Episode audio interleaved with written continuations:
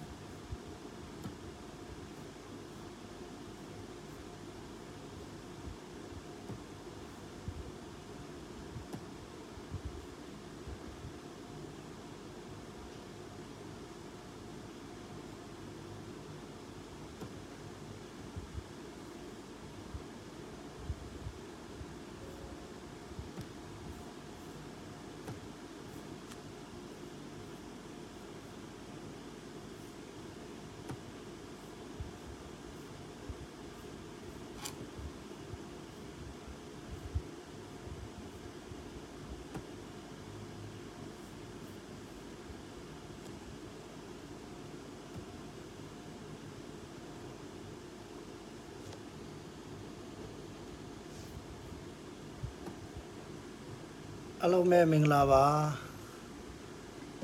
အတန်တို့ရုပ်လို့အဆင်ပြေလားဗျကျွန်တော်လည်းလွတ်နေကြမဟုတ်တော့အဆင်ပြေသလိုလွတ်လိုက်တာအဆင်ပြေလားမသိဘူးအဆင်ပြေတယ်ဆိုရင်လည်းအဆင်ပြေကြောင်းလေးပြောပြပါအတန်မကြတာတို့ဘာတို့အဆင်မပြေတာရှိလဲတစ်ချက်လောက်လေးပြောပြပါအဆင်ပြေတယ်ဆိုလက်မလေးထောင်ပေးပါအဆင်ပြေလားမသိဘူးအတန်အတန်အတန်တို့ရုပ်လို့အဆင်ပြေလားမသိဘူးဗျ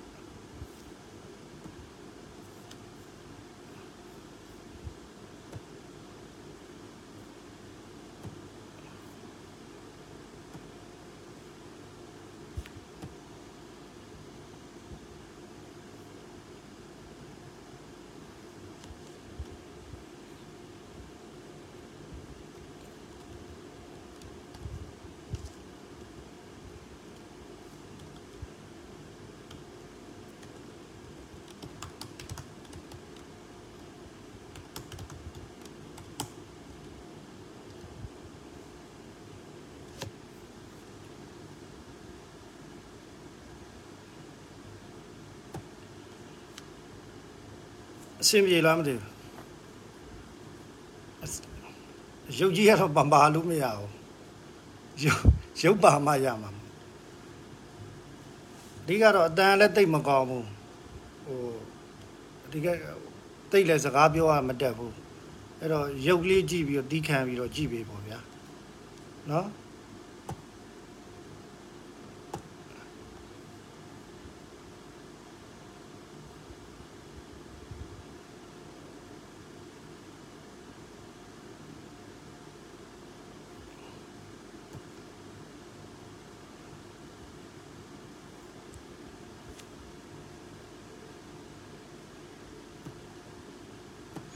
နည်းနည်း like and share လေးလည်းတစ်ခုလုပ်ပေးပါဗျ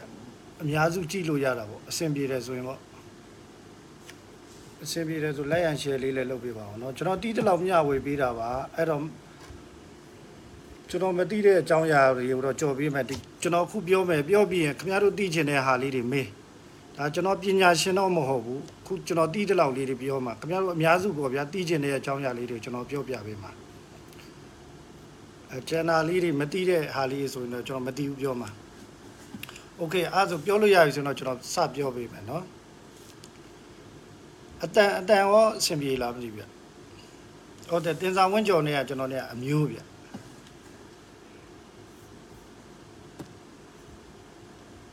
အဆင်ပြေတယ်ဆိုကျွန်တော်စလိုက်မယ်เนาะ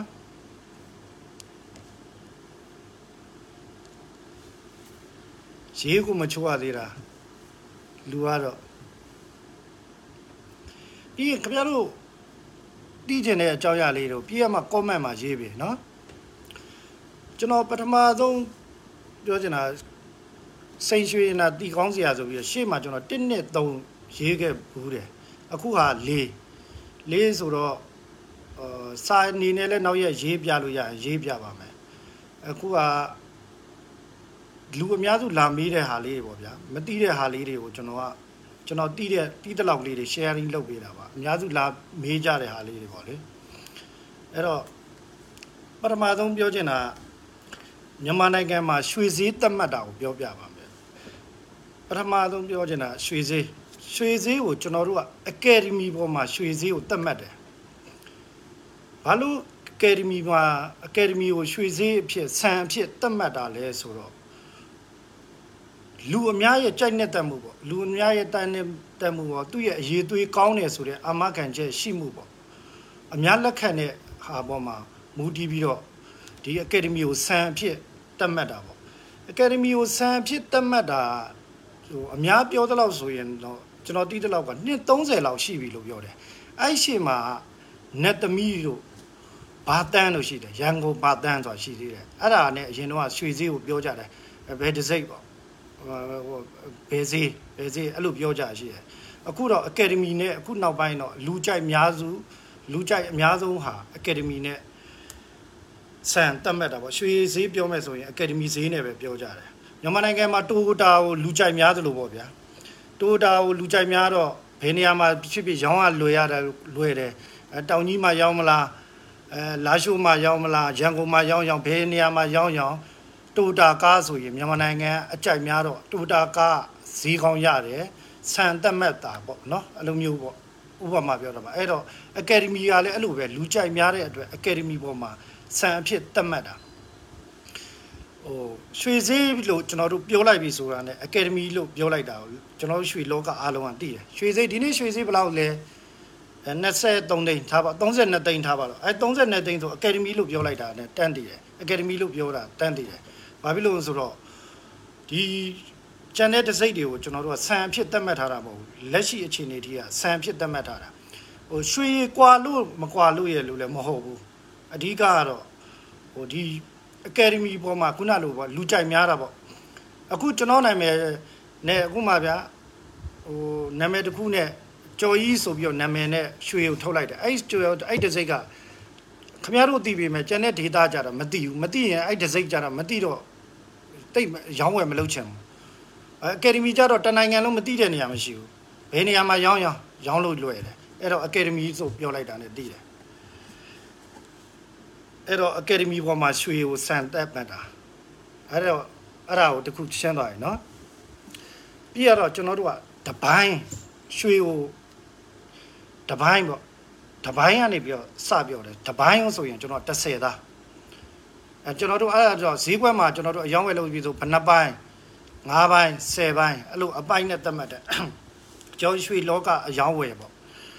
အဲတထုပ်ကိုတပိတ်တာလို့ခေါ်တယ်တပိတ်တာတဲ့ရွှေကိုရွှေကိုနှစ်ပိတ်တာသုံးပိတ်တာလို့မပြောကြအောင်တထုပ်နှစ်ထုပ်သုံးထုပ်အဲ့လိုမျိုးပြောကြတယ်အဲရွှေဝယ်ခြင်းလဲဆိုရင်9ပိုင်းယူမယ် အဲတထုပ်ယူမယ်နှစ်ထုပ်ယူမယ်ဆိုရင်သူတို့ကရောင်းတဲ့လူကအော်တိုတီးပြီးသားအကယ်ဒမီရွှေဝယ်တယ်ဆိုတာသိတယ်ကျန်တဲ့ဟာတွေကိုတော့ကျွန်တော်တို့အကယ်ဒမီ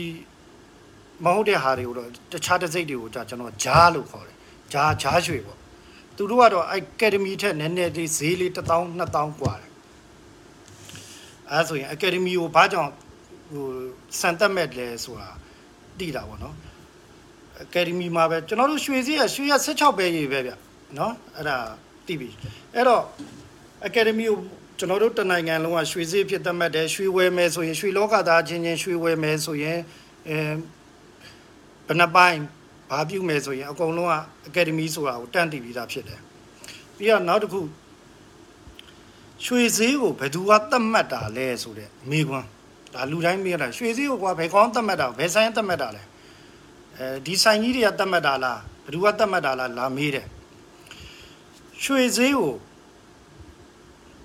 ကျွန်တော်တို့မြန်မာနိုင်ငံမှာဆိုမန္တလေးရွှေအတင်းရှိတယ်ရန်ကုန်မှာရှိတယ်မော်လမြိုင်မှာလည်းရှိတယ်လို့ပြောပါတယ်ကျွန်တော်မော်လမြိုင်အကြောင်းတော့သိမသိဘူးထားပါအဓိကတော့ရန်ကုန်ပေါ့ရန်ကုန်ကနေပြီးတော့မနေ့ကမ္ဘာဈေးကနေရွှေဈေးထွက်လာပြီဆိုရင်ကမ္ဘာဈေးရယ်ဒေါ်လာဈေးရယ်အဲ့လိုမျိုးတွက်ချက်တာပေါ့နော်အဲ့တော့ရွှေအသင်းရုံးမှာ ရွှေဝယ်မဲ့သူတွေရွှေရောင်းမဲ့သူတွေဝယ်စားတွေရယ်အများကြီးရှိတယ်အဲ့ဒီမှာတွေ့ကြတယ်အကုန်လုံးတွေ့တယ်အဲ့ချိန်မှာမှတယောက်ကနေပြီးတော့ကမ္ဘာရွှေစည်းနဲ့10နိုင်ခွဲလောက်ဆိုရင်ကမ္ဘာရွှေစည်းရဲ့နဲ့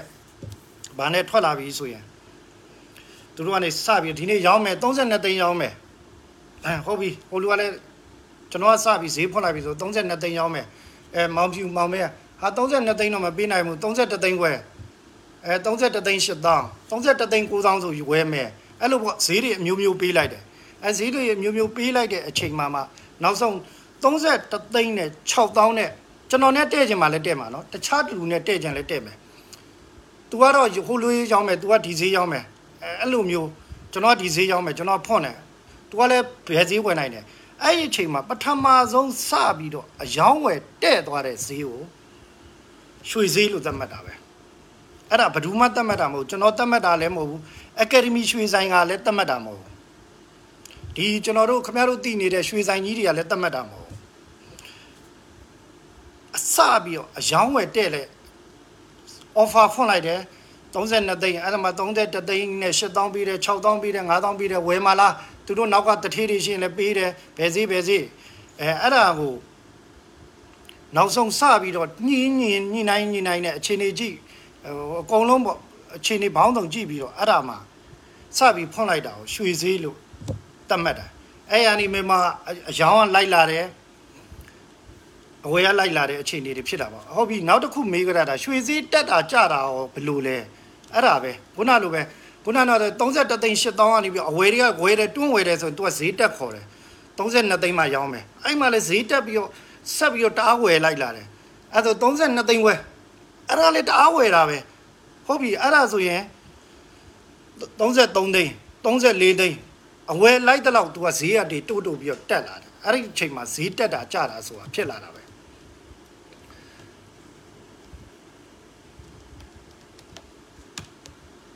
ရပြီနော်ရွှေရွှေစည်းဆိုတာအဲ့ရနေဖြစ်တာပဲခုနကတော့ကျွန်တော်တို့ပြောတဲ့ခင်ဗျားတို့သိနေတဲ့ရွှေဆိုင်တွေကနေဖြစ်တာမဟုတ်ဘူး အကြမ်းအပြင်းကတော့ရန်ကုန်ဆိုရင်10နိုင်ခွဲလောက်ကနေစဖွင့်တယ်အခုနောက်ပိုင်းကျတော့နိုင်ငံရေးအခြေအနေဟိုအခြေအနေအခြေအနေပေါင်းစုံကြောင့်7နှစ်လောက်မှစဖွင့်တယ်အဲ့ဒါဆိုရင်ဟုတ်ပြီအဲ့ဒါဆိုရင်10နိုင်ခွဲ7နှစ်လောက်မှဖွင့်တာကိုရွှေဆိုင်တွေကကြတော့ဘာလို့စဖွင့်မနေ့ပိုင်းကိုစပြီးတော့ရောင်းတာလဲဆိုတော့じゃသူတို့ကမနေ့ကပိတ်သေးရှိတယ်ကျွန်တော်တို့မနေ့ကနေပြီးတော့ဘယ်လောက်နဲ့ပိတ်သွားတယ်32သိန်းနဲ့ပိတ်သွားပြီဟုတ်ကဲ့ โอเค32သိန်းနဲ့ပိတ်သွားပြီအဲ့ကြောင့်မနေ့ကျရင်မနေ့လင်းတို့ကြည့်လိုက်ရင်ကမ္ဘာရွှေစည်းကဘယ်လောက်လဲတက်လာကျလာကမ္ဘာစည်းအတက်ကျလေးပေါ်မူတည်ပြီးတော့ဒါဆိုဒီနေ့နည်းနည်းတက်နိုင်တယ်ဒီနေ့နည်းနည်းရောနိုင်တယ်အဲ့ပေါ်မူတည်ပြီးတော့ရွှေဆိုင်တွေကအကြမ်းဖွင့်ပြီးတော့ကိုယ့်အတူရောင်းကြဝယ်ကြတာဒီရွှေစည်းဖွင့်မှအယောင်းဝယ်လုပ်ရမယ်ဆိုရင်ကျွန်တော်တို့ရွှေဆိုင်လေးပေါ့အထည်ဆိုင်ပေါ့ရွှေအထည်ရောင်းတဲ့ဆိုင်လေးတွေကဟိုနေ့လယ်ကျမှစဖွင့်ရမလို့ဖြစ်နေအဲ့တော့မနေ့က32သိန်းဖွင့်တယ်အဲ့ဒါဆိုရင်ရွှေကမ္ဘာရွှေစည်းကတော့ 32သိန်းပိတ်သွားတယ်ကမ္ဘာရွှေစည်းကတော့နည်းနည်း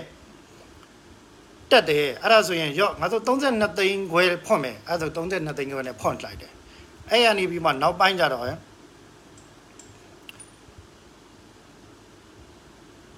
ဈေးစဖွင့်ရွှေဈေးရန်ကုန်ရွှေအသင်းကနေပေါ့တို့မန္တလေးရွှေအသင်းကနေပေါ့စဖွင့်လိုက်တဲ့ဟာမှာရွှေဈေးကနေစပြီးတော့ဖြစ်လာတာပဲ အဲ့တော့ကျွန်တော်တို့ဝယ်တယ်ရောင်းတယ်ဆိုရင်ဘယ်တစ်စိတ်တွေဝယ်သင့်တယ်ရောင်းသင့်တယ်ဆိုတာရှိတယ်အများအပြားတော့ဟိုကျွန်တော်တို့ဈေးကွက်မှာဈေးဖွင့်တာအကယ်ဒမီနယ်ပဲဖွင့်တယ်အကယ်ဒမီနယ်ပဲပြောကြတယ်ဒါအပိုင်းလိုက်ဝယ်တဲ့နေရာမှာတော့အတူဟိုအကယ်ဒမီဝယ်တာမှမဖြစ်ပေမဲ့သူကသူကျွန်တော်တို့ဖြတ်စလေးတွေဝယ်တယ်တစ်ချက်သားတို့နှစ်ချက်သားတို့ဝယ်တယ်အတုံးလေးတွေဝယ်တယ်ဆိုရင်တော့ဘယ်တစ်စိတ်ဝယ်ဝယ်မထူအခြားတစ်စိတ်လို့ခေါ်တာပေါ့နော်ဂျာဂျာပေါ့ အကယ်ဒမီမိုဘဲနဲ့ဂျာဂျာဆိုရင်ရှိရဗျာဥပမာကျွန်တော်ပြောမှာအောင်သမားကြီးရှိတယ်ဝေးစိန်ရှိတယ်အဲဒီဒီမြစိန်ရွှေဝင်းရှိတယ်အဲကျွန်တော်မျိုးစုံပေါ့နော်ဟိုအခြားတစ်စိတ်တွေကကြတော့အကယ်ဒမီထက်သူက1000ခွဲ2000 3000လောက်กว่าတယ်ဟိုဈေးရဲ့အဝယ်လိုက်ပေါ်မှာပါမူတည်ပြောအဲ့တော့ကျွန်တော်တို့ကဈေးတင်ပေးတယ်ဆိုတာလေအကယ်ဒမီဈေးပေါ်မှာအကယ်ဒမီဈေးကိုပဲကျွန်တော်တို့ကတင်တာ ကျွန်တော်တို့ကျွန်တော်အခုတင်တယ်ဆိုတာဈေးကွက်မှာအယောင်းဝယ်စပွေးဖွင့်လိုက်ပြီဒိန်းဆိုပွင့်လာပြီဘယ်လောက်နဲ့စဈေးဖွင့်သွားပြီဆိုရင်ခုနအယောင်းဝယ်တက်သွားတဲ့ဆိုတာ32သိန်းဆိုရင်အဲ့ချိန်မှာတချို့ကလာပြောကြတယ်ဟာဟိုဆိုင်က33သိန်းခွဲပဲရှိတယ်ဒီဆိုင်က33သိန်း8000ပဲရှိတယ်အဲ့တော့တစ်ဆိုင်နဲ့တစ်ဆိုင်ကဈေးကမတူဘူးအတန်မကြဘူးတဲ့ဟုတ်လားဗျအတန်အဆင်မပြေဘူးလားမသိဘူးကျွန်တော်တို့ဖွင့်တဲ့ဈေးကျွန်တော်တို့တင်ပေးတယ်ဆိုတာအကယ်ဒမီဈေးပဲတင်ပေးတာ အဲ့ကျန်တဲ့ဆိုင်ပေါင်းဆောင်ကတင်နေတဲ့ကိုကိုကြိုက်ကိုပဲလုပ်နေတဲ့ဟာလေးတွေ9000 1000กว่าသားလေးတွေကိုကျွန်တော်တို့ကမပြောဘူးအဲ့တော့ရောင်းမန္တလေးဆိုရင်ရွှေစည်းက7နှစ်လောက်မှစဖွင့်တယ်7နှစ်ဖွဲရန်ကုန်ဆိုရင်10ဖွဲစဖွင့်တယ်ကျွန်တော်ဘက်ကတော့ line ရတယ်ဗျခင်ဗျားတို့ဘက်က line မကြရလားမသိဘူးအဲ့တော့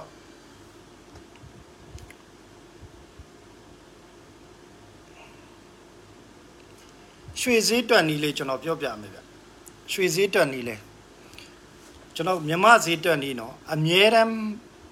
ကျွန်တော်ရေပူကတွက်တဲ့နီးပေါ့နော်ရွှေစည်းတွက်နီးလေးကျွန်တော်ဒီနေ့တင်ထားတဲ့ထဲကနေပဲကျွန်တော်ပြောပြမယ်ရွှေစည်းတွက်နီးကဘာလို့တွက်လဲလဲဆိုတော့ ကဘာပေါက်စည်းကျွန်တော် gold price ဆိုပြီးတော့ရှာလိုက်ဟို browser နဲ့ gold price ဆိုရင်ကဘာပေါက်စည်းထွက်လာလိမ့်မယ်ဒီနေ့ဆိုရင်ကဘာပေါက်စည်းကကျွန်တော်အလွယ်လေးပဲပြောပြမှာเนาะကျွန်တော်ဆရာကြီးပုံစံနဲ့ပြောပြမှာမဟုတ်ဘူးကဘာပေါက်စည်းရှိတယ်ကဘာပေါက်စည်းဒီနေ့ဆိုရင်တစ်ခွန်နေခဏလေးကျွန်တော်ကြည့်ပြပါ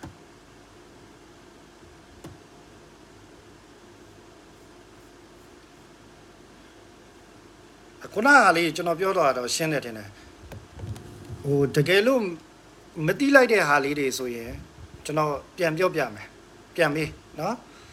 ခုနကတော့ရွှေဈေးစဖွင့်နေဆိုတာခုနလိုပဲရောင်းသူဝယ်သူတွေနဲ့တွေ့တွေ့ပြီးတော့အဲ့လိုမျိုးဈေးစပြီးတော့အယောင်းဝယ်တဲ့သွားတဲ့ဟာရွှေဈေးစပွင့်တာပဲအကယ်ဒမီရွှေဆိုင်ကလည်းတတ်မှတ်တာမဟုတ်ဘဲရွှေဆိုင်ကြီးကမှတတ်မှတ်တာမဟုတ်ဒီကျွန်တော်တို့ရွှေအယောင်းဝယ်လုပ်မယ်ရွှေအသင်းမှာတွေ့ဆုံပြီးတော့ဈေးစပွင့်တာအဲ့ဒါပဲ အကယ်ဒမီပေါ်မှာပဲစံတက်မှတ်တယ်ဘာလို့တနိုင်ငံလုံးကအကယ်ဒမီကိုပဲကြိုက်နေတတ်ကြတယ်လူအများပေါ့ဒမန်းပေါ့ဗျာအဲအဲ့ဒါအများစုကြိုက်တဲ့တော့နေရာတကာတိတဲ့ဟာမျိုးအကယ်ဒမီလောက်တယ်ဟုတ်ပြီအဲ့တော့မြမရွှေဈေးကိုဘယ်ပေါ်မှာမူတည်ဘယ်လိုတွက်တယ်လဲဆိုတဲ့ဟာကိုကျွန်တော်ပြောပြမယ်ဒီနေ့ကဘာပေါက်ဈေးကတစ်ခွန်တစ်ခွန်ရှိတယ်ကဘာပေါက်ဈေးက1910ခွန်1910ခွန်ကဘာပေါက်ဈေးရယ်ကျွန်တော်ပြောပြမယ်နော်ရှင်းရှင်းလေးရယ်ကဘာပေါက်ဈေးရယ် ဒေါ်လာရယ်နိုင်ငံခြားနှစ်ခုပေါ့ဗျာအဲ့လိုမှတ်ထားလိုက်နိုင်ငံခြားနှစ်ခုကဘာပေါက်ဈေးရယ်ဒေါ်လာရယ်အဲ့နှစ်ခုကိုမြှောက်လိုက်ကဘာပေါက်ဈေးရယ်ဒေါ်လာရယ်အဲ့ဒါနိုင်ငံခြားနိုင်ငံခြားကိန်းကနန်းနှစ်ခုကိုမြှောက်လိုက်တစ်ခွန်တစ်ခွန်ပြီးရင်တစ်ဒသမ8ခွန်5နဲ့စားလိုက်အဲ့ဒါမြန်မာပေါက်စီရတယ်အမှန်မဟုတ်ဘူးနော်အဲ့လိုတွက်တာလို့ပြောတာတစ်ဒသမ8ခွန်5နဲ့စားကျွန်တော်ပြောရရလားမသိ ဒီနေ့ဆိုတစ်ခွန်တစ်ခွန်ရှိတယ်ကဘာပေါက်စီကတစ်ခွန်တစ်ခွန်အတိအကျတော့မဟုတ်ဘူးဗျာနောက်ကဒသမဆွရင်ဆွမယ်တစ်ခွန်တစ်ခွန်ရဲ့အမြောက်ဒီနေ့ဒေါ်လာဈေးက3600ဟိုဟိုအစိုးရသတ်မှတ်ဈေးမဟုတ်ဘူးเนาะ3600အဲ့ဒါကို1ဒသမ8ခွန်5နဲ့စားလိုက်အဲ့ဒါ30နှစ်လေ6 32သိန်းနဲ့9000ရတယ် 32သိန်းနဲ့9000အဲ့ချိန်မှာမှအဲ့ဈေးနှုန်းကိုကြည့်ပြီးတော့လူတွေကအယောင်းဝယ်လောက်တာရပြီလားမသိဘူးဗျကမ္ဘာပေါက်ဈေးနဲ့မြမပေါက်ဈေး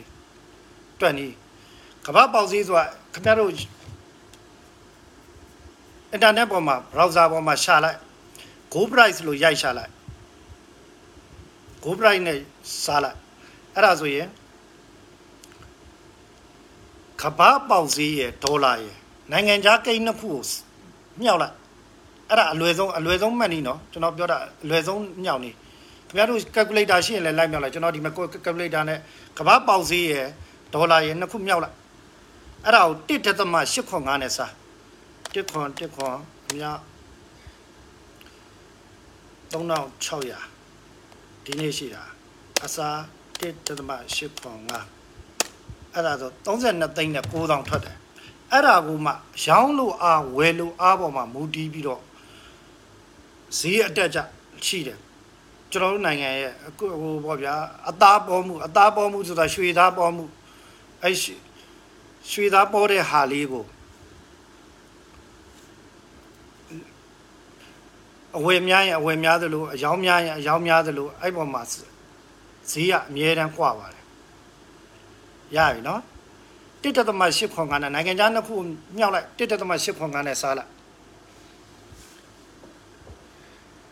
အမြဲစားမှာလားဆိုဟုတ်တယ်အမြဲစားမှာဒါပေမဲ့အဲ့အဲ့ထွက်လာတဲ့ကိန်းကနန်းအမှန်လို့အမြဲတမ်းပြောမရဘူးခုနလို့ကျွန်တော်ပြောတာရောင်းလို့အားဝယ်လို့အားပေါ်မူတည်ပြီးတော့အတိန်ဆောင်ဆိုတာရှိမယ်ဒါအဲ့ဒါကိုကျွန်တော်ပြောပါမယ်ဟို မှတ်ထားလို့ရရင်နော်အဲ့ဒါဆိုမြမစီပဲအဲ့ဒါအဲ့ဒါအကုန်အတူတိလိုက်တော့ဟုတ်ပြီအဲ့ဒါဆိုရင်ကျွန်တော်ပြောပြမယ်အဲ့ဒါမီလင်းရွှေစီထွက်လာတာမီလင်းရွှေစီ1.8ခွန်5ပုံသေးပဲဒါပေမဲ့ကျွန်တော်ပြောသလို1.8ခွန်5နဲ့စားပြီးတဲ့ရတဲ့အဖြေကအပြင်အပြင်ဈေးကွက်မှာမှန်ချင်မှမှန်ပါလို့ကဘာပေါက်ဈေးကမနဲ့ဆိုရင်ကျွန်တော်ထင်တယ် 9နာရီ10နာရီလောက်ဆိုရင်ပြန်ပြီးတော့ဖွင့်တယ်ထင်တယ်သူတို့ရဲ့စံနေချိန်နဲ့ကျွန်တော်ရဲ့စံနေချိန်နဲ့မတူဘူးเนาะရပြီเนาะအဲ့ဒါပြီးရင်ဒါမီလီယံဈေးထွက်လာပြီပြီးရင်အဲ့ဒါဆို15ပဲရေပေါက်ဈေးတွက်ပြင်မယ်15ပဲရေပေါက်ဈေးဒါအခောက်မီလီယံဈေးတည်ပြီးသွားရင်เนาะ15ပဲရေပေါက်ဈေးကိုတွက်ပြင်မယ်အဲ့တော့15ပဲရေက15ပဲရေဆိုတာဘာလို့15ပဲရေလုံးဖြစ်တာတော့ဆိုတော့ကျွန်တော်ပြောမှာ ကျွန်တော်တို့ရွှေရဲ့အဲမှာကျွန်တော်တို့ကကြီးတပဲရောတာကြီးတပဲရောပြီးတော့အထည်ခတ်တာပေါ့ဗျာအထည်ဒီမာအောင်ပြုတ်အောင်မီလင်း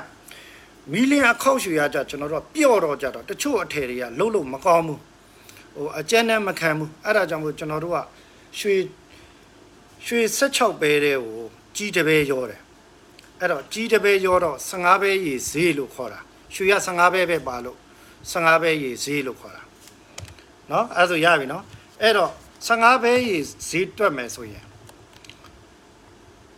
16ပဲကိုတီးเนาะ16ပဲကိုတီး16နဲ့စားပြီးရင်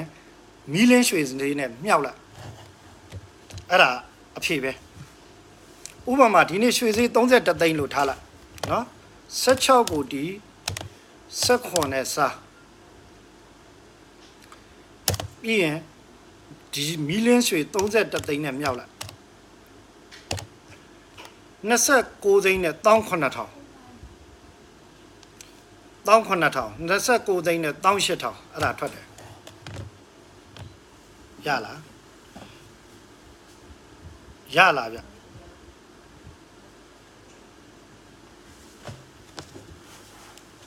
ခုနကတော့မီလင်းရွှေဈေးတွက်နည်းကိုကျွန်တော်ပြောပြီးနော်မီလင်းရွှေဈေးကကမ္ဘာဈေးနဲ့ဒေါ်လာနဲ့မြောက်လိုက်အဲ့နိုင်ငံခြားနှစ်ခုမြောက်မြောက်ပြီးရင်တစ်တသမ8ခွန်9နဲ့စားစားတဲ့အဖြေကအမှန်လို့မဟုတ်ဘူးဈေးကွက်ရဲ့ဝယ်လို့အရောင်းလို့အပေါ်မှာမူတည်ပြီးဈေးပြောင်းတယ်ဒီနေ့ဆိုရင်တစ်ခွန်တစ်ခွန်အမြောက်3600အစားတစ်တသမ8ခွန်9 32သိန်းနဲ့9000ခွဲထွက်တယ်32သိန်း9000ပဲခွဲပဲထွက်ပဲမဲ့33သိန်းခွဲလောက်ပဲဈေးကဖွင့်ကြတယ်32သိန်းလောက်ပဲဖွင့်ကြတယ်ဒါဝယ်လူအားရောင်းလဲကွာပေါ့မှာမူတည်တော့เนาะအဲ့တော့မီလင်းဈေးအဲ့ရထွက်လာပြီအဲ့မီလင်းဈေးထွက်သွားပြီးတော့ခင်ဗျားတို့ပဲရည်လိုချင်တယ်ဆိုရင်စက်ခွန်ကဘာလို့စားရလဲဆိုတော့ကျွန်တော်ခုနကတော့ပြောပြီးပြီလေရွှေရတပဲဆက်တာ တပဲဆက်တာကြီးတပဲဆက်လိုက်လို့16ကိုတီးကြီးတပဲပြောလိုက်တော့ဆက်ခွန်ဖြစ်သွားတယ်ရွှေ16ပဲတဲ့ကိုတပဲကြီးတပဲဆက်တယ်အဲ့ဒါအဲ့ဒါတွေကတော့ကျွန်တော်ပြမှရှင်းတော့မယ်နော်အဲ့ဒါအဲ့ဒါတွေကိုပြောရင်ကျွန်တော်လွဲကုန်လိမ့်မယ်ဟိုကျွန်တော်လူရင်းလည်းမရောက်ဘဲနဲ့ဟိုဟို live ပြောချိန်ညာရှာသွားရှည်သွားလိမ့်မယ်16ကိုဒီကြီးတပဲရောက်တဲ့အတွက်ဆက်ခွန်နဲ့စားအမြောက်ရွှေမီလီယံဈေးက31သိန်းဆိုရင် 31သိန်းနဲ့မြောက်လိုက်အဲ့ဒါဆို20 29သိန်းနဲ့18000ရပြီနော်ရပြီအဲ့ဒါပြပြီပြီးရင်14ပဲနှစ်ပြားပေါ့ဗျာပြောဒင်းကားလို့ပြောတယ်14ပဲနှစ်ပြားကြတော့ရှစ်ရွေးဆက်တာမဟုတ်တပဲဆက်တာမဟုတ်တပဲမှာရှစ်ရွေးသူကကြတော့12ရွေးဆက်တာတပဲခွဲတပဲခွဲဆက်တာရပြီနော် ခုနကတော့ဟာလည်းရပြီနော်အဲ့ဒါပြရမှကြီးတော့ဗျာကျွန်တော်အဲ့ဒါတွေကိုစာတင်တယ်လို့ပြောနေရင်ပြီးမှမဟုတ်တော့ပြီးရင်အမားတို့မေးခြင်းနဲ့အကိုတို့မေးခြင်းတဲ့ဟာကိုကျွန်တော်ကဟိုကလောက်ရမှာမလို့ဖြေပေးရမှာမလို့အဲ့တော့တပည့်ခွဲဆက်မှာဆိုတော့16အစာတပည့်ခွဲခုနကတော့တပည့်ဆက်တော့18နဲ့စားတယ်ကိုကတပည့်ခွဲဆိုတော့18ဓာတ်မ5စားအမြောက်မီလီယံစီက31သိန်း 28သိန်းနဲ့3400ရတယ်အဲ့ဒါဒင်းငါစီရပြီလားမသိဘူးရပြီလားဒါကျွန်တော်ကအတုံးတွေအတုံးဈေးတွေကိုပြောပြနေတာနော်အတုံးအထည်ဈေးတွေကိုအထည်ဈေးတွေကသူရောတဲ့လက်ခတွေမပါဘူးကျွန်တော်ပြောတာအတုံးဈေးအဲ့အဲ့အတုံးဈေးကိုကျွန်မကျွန်တော်တို့အရောတဲ့လက်ခပေါင်းတာရပြီနော် 16ကိုဒီ14ပဲ14ပဲနှစ်ပြားပေါ့ဗျာဒင်းကားရေလိုချင်ရင်သူက12ရွေးဆက်တဲ့အတွက်ဒင်းကားရေလိုချင်ရင်16ကိုဒီ16.5နဲ့စာပြားထားတဲ့ဟာကိုမီလင်းနဲ့မြောက်လိုက်ပဲဆက်ကိုလိုချင်ရင်16ကိုဒီ16နဲ့စာပြီးရင်မီလင်းနဲ့မြောက်လိုက်အဲဆိုရင်ပဲဆက်ရပြီရပြီလားဗျကျွန်တော်နောက်ရကြအဲ့ဒါလေးတွေကိုကျွန်တော်စာလေးနဲ့ရေးပေးမယ်နော် အဲ့ဒါကျွန်တော်အကျိုးအကြောင်းလေးကိုပဲပြောပြတာအဲ့ဒါဟိုဟိုနောက်ကြအလွတ်အလွတ်ရအောင်ကြတော့ခင်ဗျား live ထဲမှာကြတော့လဲတိမှာမဟုတ်ဘူးเนาะနောက်ကြတော့ခင်ဗျားတို့မေးတဲ့ဟာတွေကပိုးရှိမှာကျွန်တော်ပြောတာမြန်တယ်ကျွန်တော်ပြောတာဟိုဘက်ဘက်နဲ့ပြောလိုက်မှာเนาะအဲ့တော့အဲ့တော့ကျွန်တော်ပြောချင်တဲ့ဟာတွေက ပြီးပြီထင်တယ်ခုနကတော့ကျွန်တော်ပြောရွှေစည်းဘယ်သူသတ်မှတ်တာလဲအကယ်ဒမီကိုဘာကြောင့်စံသတ်မှတ်တာလဲနော်ပြီးရင်အယောင်းဝယ်ကဘယ်လိုလောက်ကြတာလဲကျွန်တော်အဲ့ဒါလေးတွေကိုပြောပြပေးပြီအဲ့တော့ခမည်းတော်မသိတဲ့ဟာလေးတွေရှိရင်မေးခုကနေစမေးပြတယောက်ချင်းမေးရပြီခမည်းတော်သိချင်တဲ့ဟာမေးအဲရွှေစီဘ ယ်တော့တက်မှာလဲဘယ်တော့ကြမှာလဲလို့ကျုပ်လည်းမမင်းနဲ့ကျုပ်လည်းသိမှာမဟုတ်ကျွန်တော်ပြင်းရင်စာခင်ဗျားတို့တွက်လို့ရအောင်ကျွန်တော်စာလေးနဲ့ဟွာလုပ်ပြမယ်နော်ရပြီလားမသိဘူး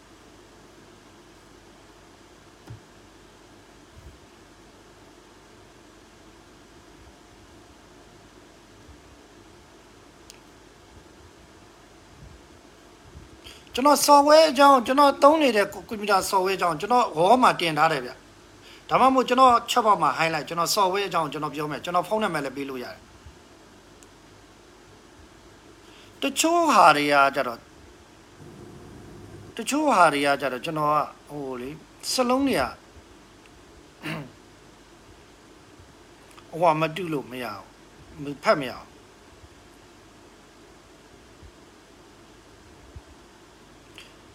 15ပဲရေနဲ့16ပဲရေဘယ်လောက်กว่าလဲဆိုတော့ခုနကျွန်တော်ပြောသလိုပဲတပဲဘိုးกว่าမှာပဲ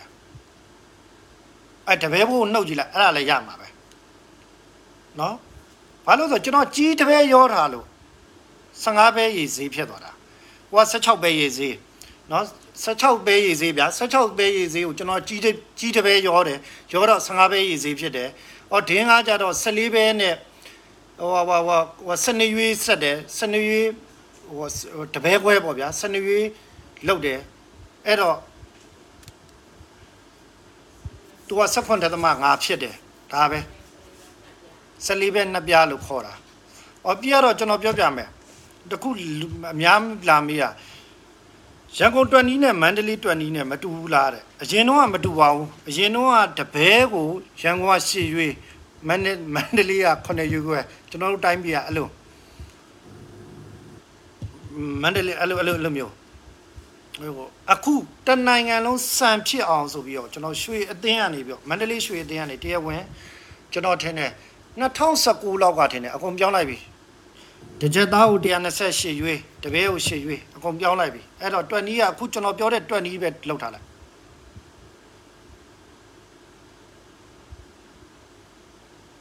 နော် 73ပဲရေကကျွန်တော်ပြောပြမယ်73ပဲရေကအဟွာမှာသုံးကြတာများတယ်စိန်တယ်တွေစိန်တယ်ခက်တာတွေမှာပြောသုံးကြတာများတယ်နော်အဲ့ဒါအဲ့ဒါတွေကကျွန်တော်တို့အယောင်းဝယ်လောက်တာနဲတယ်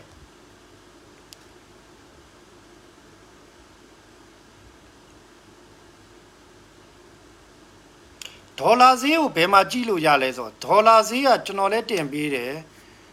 ပြီးရ ဘယ်မှာတင်ပြီးလဲဆိုအရင်တော့ကတော့တင်ပြီးကြတယ်ဗျအခုနောက်ပိုင်းကဈေးအပြောင်းလဲလိများလို့တိတ်မတင်ကြတာဒေါ်လာဈေးကကျွန်တော်တင်ပြီးပါတယ်ဒေါ်လာဈေးတိကျရင်လည်းကျွန်တော်စီလာမိလိုက်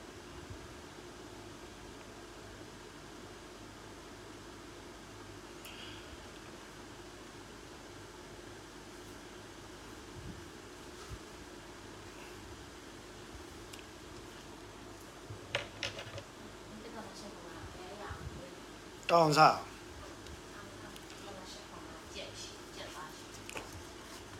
ခုနကတော့တစ်ခုနကတော့မေးတာလေးတွေကျွန်တော်ပြောဦးမယ်ကျွန်တော်ကလည်းအမှုတည်ဦးချင်းမိလားတစ်တသမကဘာစီကဘာစီကိုနဲ့ဟိုနဲ့တစ်တသမ8ခွန်9နဲ့ဘာလို့စားတာလဲဆိုရင်တအောင်စမှာတစ်တသမ8ခွန်9ကြက်သားရှိလို့နော်တစ်တသမ8ခွန်9ကြက်သားရှိလို့ကျွန်တော်တို့ကကဘာစီရဲ့ဒေါ်လာရဲ့မြောက်မြန်မာငွေ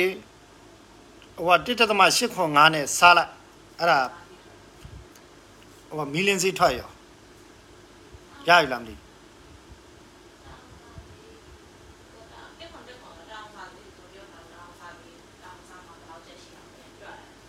ရရလားမလဲ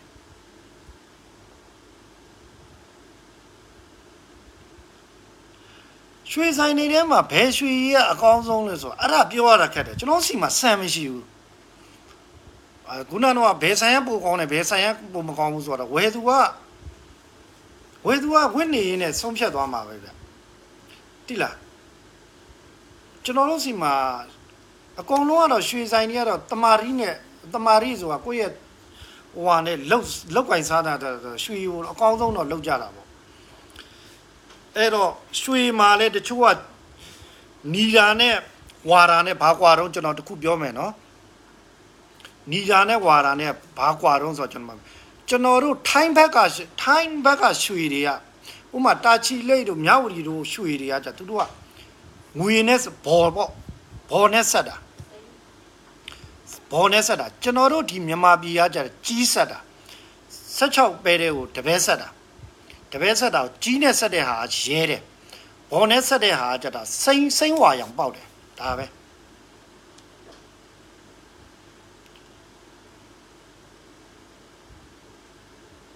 ရပြီလားဗျနောက်ထပ်ဘာတိကျင်လဲလဲရတယ်အမားတို့ခမရတို့တိကျင်တဲ့ဟာကိုကျွန်တော်မေးကျွန်တော်တိတဲ့ဟာကိုကျွန်တော်တို့ကိုယ်ဘယ်ဘယ်ညာစိန်ကြော်လာအဲ့ကောင်ဟိုကလေအကိုရေးတာတာလေစလုံးကဖက်မရဘူးဗျ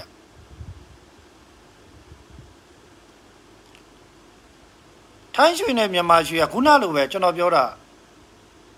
သူတို့က သူတို့ဟွာနဲ့ကကျွန်တော်တို့နဲ့ဆက်နီးမတူဘူးသူတို့ရွှေတွေကဝါဝါအဝါပဲတန်းတယ်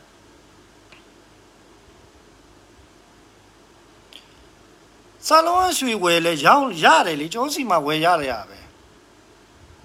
ဘယ်ရွှေဘယ်အရွှေဖြစ်ဖြစ်ကျွန်တော်စီမှာမီလင်းဆိုရင်တော့မီလင်းစေးပေးဝယ်တယ် ကျွန်တော်တို့စီမှာတော့အများပြပြ99.9လို့ပြောကြပါဗျာ99.99လို့အဲ့လိုမျိုးပေါ့ပြောကြတာ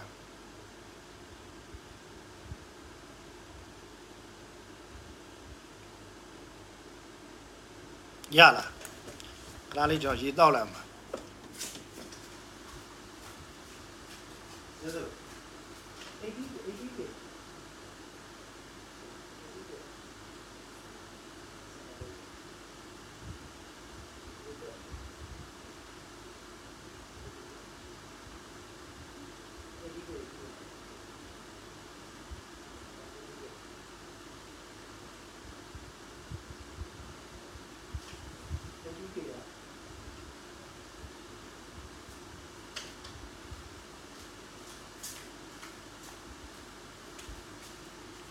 ရပြီလားဗျခုန 80k ဆိုတာ 80k ဆိုတာကျွန်တော်တို့ကဟိုဟာပြောတာ platinum ကိုပြောတာ12ပဲရေ 22K ကိုကျွန်တော်တို့ကအခောက်24 24ရေကိုအခောက်22ကိုကျွန်တော်တို့ကပဲဆက်လို့ခေါ်ကြတာပဲဟို platinum นี่မှာရေးတာပေါ့ 80K လို့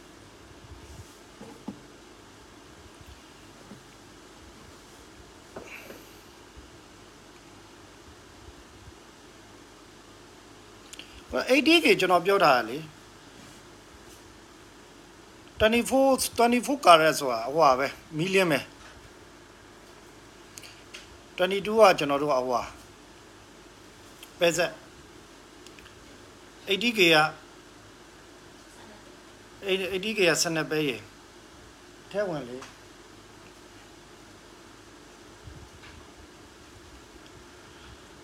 ကျွန်တော်တို့ပြတော့တခုပြောပြမယ် ရွှေဈေးတွေဘယ်လောက်ထိတက်သွားလဲဆိုတာလေးကျွန်တော်ကျွန်တော်တို့ဖြစ်သွားတဲ့အကြောင်းအရာလေးတွေကျွန်တော်ပြောပြအောင်မဟုတ်လားရွှေဈေးတွေကျွန်တော်တို့မမျော်လင့်တဲ့ဈေးပေါ့ဗျာ38သိန်းဒီဘာလို့ရောက်သွားလုံးဆိုတဲ့ဟာလေးဟိုဖြစ်နိုင်တဲ့ဟိုပေါ့နော်ဖြစ်နိုင်ဖြစ်စဉ်တွေကတခုပေါ့သူ့ကြောင့်ကြီးပဲလို့လုံးလုံးလုံးပြောလို့ရတာမဟုတ်ကျွန်တော်တို့ဈေးမှတ်မိသလားမသိဘူး28သိန်းလောက်ကနေ2ရက်3ရက်အတွင်းကို38သိန်းဒီဒိန်ဒိန်ဒိန်ဒိန်နဲ့တက်သွားတယ် ဒိန်ဒိန်ဒိန်နဲ့တက်သွားတော့ကြတော့ကျွန်တော်တို့တောင်ကြောက်သွားတာတော်တော်ကြောက်သွားဟာတကယ်ပဲငါတို့ငွေတွေကစက်ကူပဲဖြစ်တော်တော်မှာလားဆိုတဲ့ဟာပေါ့ဗျာအဲ့တော့အကုန်လုံးကကြောက်အားလန့်အားနဲ့အဲ့နေမှာအသေးတန်လှိမ့်ဝဲကြတာတော်တော်ကိုရွှေဆိုလာသန်းကွာဆိုရွှေဆိုဖြစ်ပြီးတော့လက်ထက်ပတ်စံပြီးတော့ဆိုထွက်အောင်ဝဲကြတယ်အဲ့ဒါတစ်ဖွဲ့နော်အဲ့နေမှာဖြစ်ပြက်သွားတဲ့ဟာကျွန်တော်လည်းလာပြောကြပါလေပြက်တော့နေ့စဉ် ဟာဒီနေ့ဝယ်လိုက်လဲမနေ့ပြန်တက်တယ်နက်ပြန်ဆိုမြက်ပြီ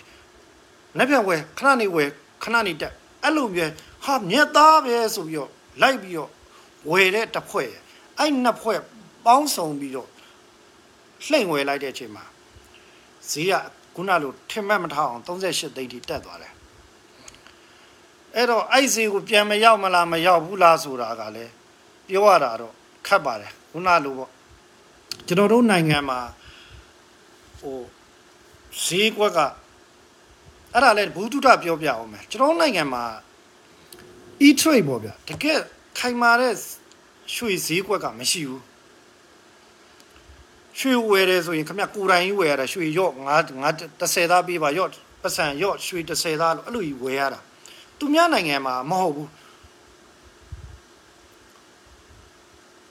ပေပါကိုခေါ်မလားကိုပေပါလားအဲ့လိုပဲ အဝနဲ့သွားတာခမဝယ်ခြင်းတယ်ဝယ်လိုက်ခမစီမှာစလစ်တစ်ခုရောက်လာမယ်ရော့ရွှေ30သားဝယ်လိုက်ပြီခမတော့ပတ်စံတော့တကယ်ပေးလိုက်ရတာအဲ့လိုမျိုးအဲ့လိုဆိုရွှေအသားအများကြီးမလို့အခုကျွန်တော်တို့ကတနိုင်ငံလုံးကရွှေဝယ်ခြင်းတယ်ဘယ်မှလုံးရွှေရအရင်တော့တပိတ်တာပိတ်တာတစ်ထောင်နဲ့လဲပတ်နေတယ်ထားလိုက်เนาะကျွန်တော်တနိုင်ငံလုံးပိတ်တာတစ်ထောင်နဲ့လဲပတ်နေတယ်ထားလိုက် အဲ့တော့ဟိုလူကလည်းဝယ်တယ်ဒီလူကလည်းဝယ်တယ်နည်းနည်းစီဝယ်တယ်ဝေးဖို့စားဖို့လေးဝယ်တယ်တချို့ကလည်းအကိုရှိတဲ့ငွေလေးတို့ကျန်တဲ့လုပ်ငန်းတွေလုပ်တယ်ဘဏ်အပ်ကြတယ်ဟိုနေရာလှည့်သုံးတယ်ဒီနေရာသုံးတယ်ဟိုအတိုးပေးစားတယ်မျိုးစုံငွေကိုလှည့်တော့တာအခုအကုန်လုံးကဟာဘာမှလည်းမသိဘူးဆိုတော့ကြောက်စိတ်ကြီးနဲ့ဝိုင်းပြီးတော့ရွှေတစ်ခုတည်းကိုဖိဝယ်လိုက်တဲ့အချိန်မှာ supply နဲ့ demand မမျှတော့တာပေါ့အဲ့လိုမမျှတော့တဲ့အချိန်မှာရွှေဈေးကဒိန်းဆိုပြီးတော့ခုန်တက်သွားတယ်အကုန်လုံးကရွှေကိုဝယ်သိမ်းရတာ哦ကျွန်တော်တို့ခုနလို online ပေါ်မှာစနစ်နဲ့ရော့ကို့အကောင့်ထည့်လိုက်ဒိန်းရော့ရွှေ30သားဆိုတဲ့ကို့ဟာသူဟိုမှာဘန်ငွေသွားရတယ်လို့ပေါ့ဗျာခမခမဘလောက်အပ်ထားပါသည်ဆိုတာမျိုးပေါ့အဲ့မှာခမအတိုးပေးမယ်ဆိုတဲ့ဟာမျိုးလို့စာရွက်ထဲမှာအဲ့လိုမှတ်ပေးထားတာမျိုးမရှိဘူးအဲ့လိုရှိရင်တကယ်တမ်းကျွန်တော်နိုင်ငံမှာပိုးစင်ပြေတယ်တစ်ချိန်မှလည်းဖြစ်ကိုဖြစ်တဲ့ရမယ်ဒါကကျွန်တော်အခုနေတော့ကြုံလို့ပြောလိုက်တာ ခိုင်မာမှန်ကန်တဲ့အစိုးရကနေအာမခံရမယ်အဲ့အဖွဲ့စည်းပေါ့ရွှေအတင်းအဖွဲ့စည်းကနေဖွဲ့စည်းဖွဲ့စည်းပြီးရင်ရွှေရောင်း online ပေါ်ကနေရောင်းခင်ဗျားတို့ဝယ်ခြင်းလားရော့ခင်ဗျားတို့ဘဏ်အကောင့်ရိုက်ထည့်လိုက်ခုန KP လို့ဘာလို့အမျိုးမျိုးရိုက်ထည့်ရိုက်ပြောကျွန်တော်350ဘူးဝယ်မယ်ရော့350ဘူးသူမင်းဟိုငါချက်ဟိုငါချက်သားရမယ်ဒါပေါ့ငါချက်သားရမယ်ဆိုရော့ငါချက်သားအဲခင်ဗျာခင်ဗျာစည်ရင်းထဲမှာငါချက်သားဆိုပြီးရောက်လာမယ် အဲ့တော့အဲ့ငါချက်သားကိုခင်ဗျာပြန်ရောက်ခြင်းတယ်ဆိုလဲခင်ဗျာခုပြန်ရောက်ခြင်းလားဟာတက်သွားပြီ12သိန်းဟို32သိန်းဝယ်လာတာ33သိန်းရောင်းမယ်ရော့အဲဆိုရင်ခမရ3သိန်းအမြက်ငါချက်သားဆို9သိန်းအမြက်နဲ့တသိန်းပြလိုက်ရောင်းချလိုက်အဲ့ဒါဆိုရင်ခမရထဲမှာပတ်စံဝင်လာအဲ့လိုမျိုးဖြစ်တင်တာတကယ်တမ်းကတော့အခုဟာကြတော့ကျွန်တော်တို့တရားဝင် market မရှိဘူး တရားဝင်ဒီ e-trade market မရှိဘူးအဲ့လိုပေါ့ပါဇက်နဲ့ပြောကြဝယ်ကြရောင်းကြတယ်အဲ့တော့ရွှေကမလုံလောက်မှုတွေဖြစ်တာပေါ့ရွှေရွှေရမလုံလောက်ခမရလည်းဝယ်သိမ့်သူကလည်းဝယ်သိမ့်ဟိုလူကလည်းဝယ်သိမ့်အရင်ကပိတ်တာတစ်ထောင်နဲ့လဲပက်နေတဲ့ဟာအကုန်လုံးဝိုင်းပြီးတော့ဝယ်ပြီးတော့သိမ့်လိုက်တဲ့အချိန်မှာရွှေဈေးတွေကမလောက်တော့ရွှေတွေကမလောက်မလောက်တော့ဘာဖြစ်တော့ဈေးတွေကမဟာတရားကြီးထိုးတက်တာအခုလိုတရားဝင် market တွေမရှိတော့ကြတော့လေခုနလိုပေါ့ဝယ်ကြရောင်းကြ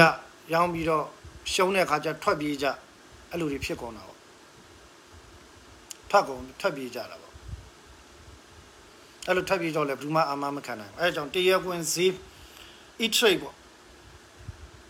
ကျွန်တော်တို့ဝယ်လို့ရတဲ့ဟာမျိုးဖြစ်ရမယ်ရော့ဥမာဗျာခမရကော်ပဲတင်းနဲ့ဝယ်သလိုပေါ့ဗျာပဲအိတ်တစ်ထောင်ဝယ်မယ်ခမရစီကိုဘယ်သူမှပဲအိတ်တစ်ထောင်ကြီးလာမပေးဘူးရော့ပဲအိတ်တစ်ထောင်ဝယ်ထားပါသည်ဆိုခမရဘောင်းချက်ဖြတ်ပိုင်းပေးလိုက်မယ်ကိုဟိုကပွဲယုံနေပဲနဲ့ပြောလိုက်မယ် ပဲအဲပဲအိတ်တစ်ထောင်ခမရ1000ဈေးကနေဝယ်လာတယ်2000ဈေးမှာရောင်းမယ်ရော့ခမရ1000မြတ်မယ်ရော့ရော့ပွဲယုံရဲ့ပွဲယုံရဲ့ပွဲကတဲအိတ်ပေါ်မှာဘလောက်ဆိုတဲ့ပွဲကလေးခမရကိုယူနှုတ်ပြီးတော့ခမရပေးမယ်ဒါပဲရွှေကိုလည်းအဲ့လိုလှုပ်တင်တာ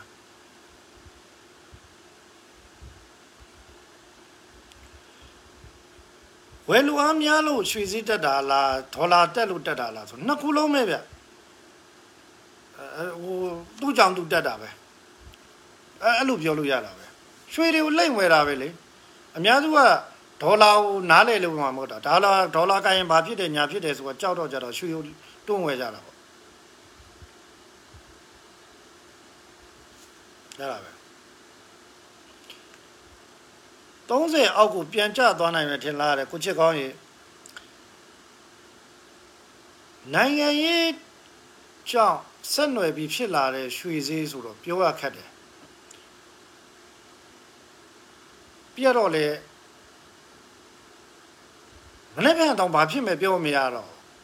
ဘယ်သူမှလည်းမခံမနိုင်တော့ရွှေဈေးကျွန်တော်တို့ကြောခံမယ်လည်းအကုန်လွဲကြည့်ပဲလူလူတွေကဘန်းမှာတော့ငွေမထားတော့ဘူးဗျာအများအဖြစ်အများအဖြစ်ပြောရနော်ဘန်းမှာငွေမထားငွေငွေတမိုးကြလိုက်မယ်ရွှေတွေဝဲရွှေတွေဝဲရွှေတွေဝဲကြတယ်ကားတွေဝဲကြတယ်မြေတွေဝဲကြတယ် ပြီးရင်တော့ဘာဖြစ်မယ်တော့မသိဘူးပေါ့ဗျာအကုန်လုံးကကြောက်စိတ်နေပဲငါတို့ရွှေငါတို့ငွေတွေကတကယ်ပဲဘာဖြစ်သွားမှလားမသိဘူးဆိုပြီးတော့လောက်ကြတော့ရှိတဲ့ဟာပေါ့ဗျာအကုန်လုံးငွေကိုကုန်စီအဖြစ်ပြောင်းလဲပြစ်တာပေါ့အဲ့တော့30အောက်ပြန်ကြနိုင်လားဆိုလည်းပြန်ကြနိုင်တယ်အဲ40ထိလည်းပြန်ဖြစ်သွားနိုင်တာပဲခုနလိုပေါ့လူတွေကဘလောက်ကြောက်စိတ်နဲ့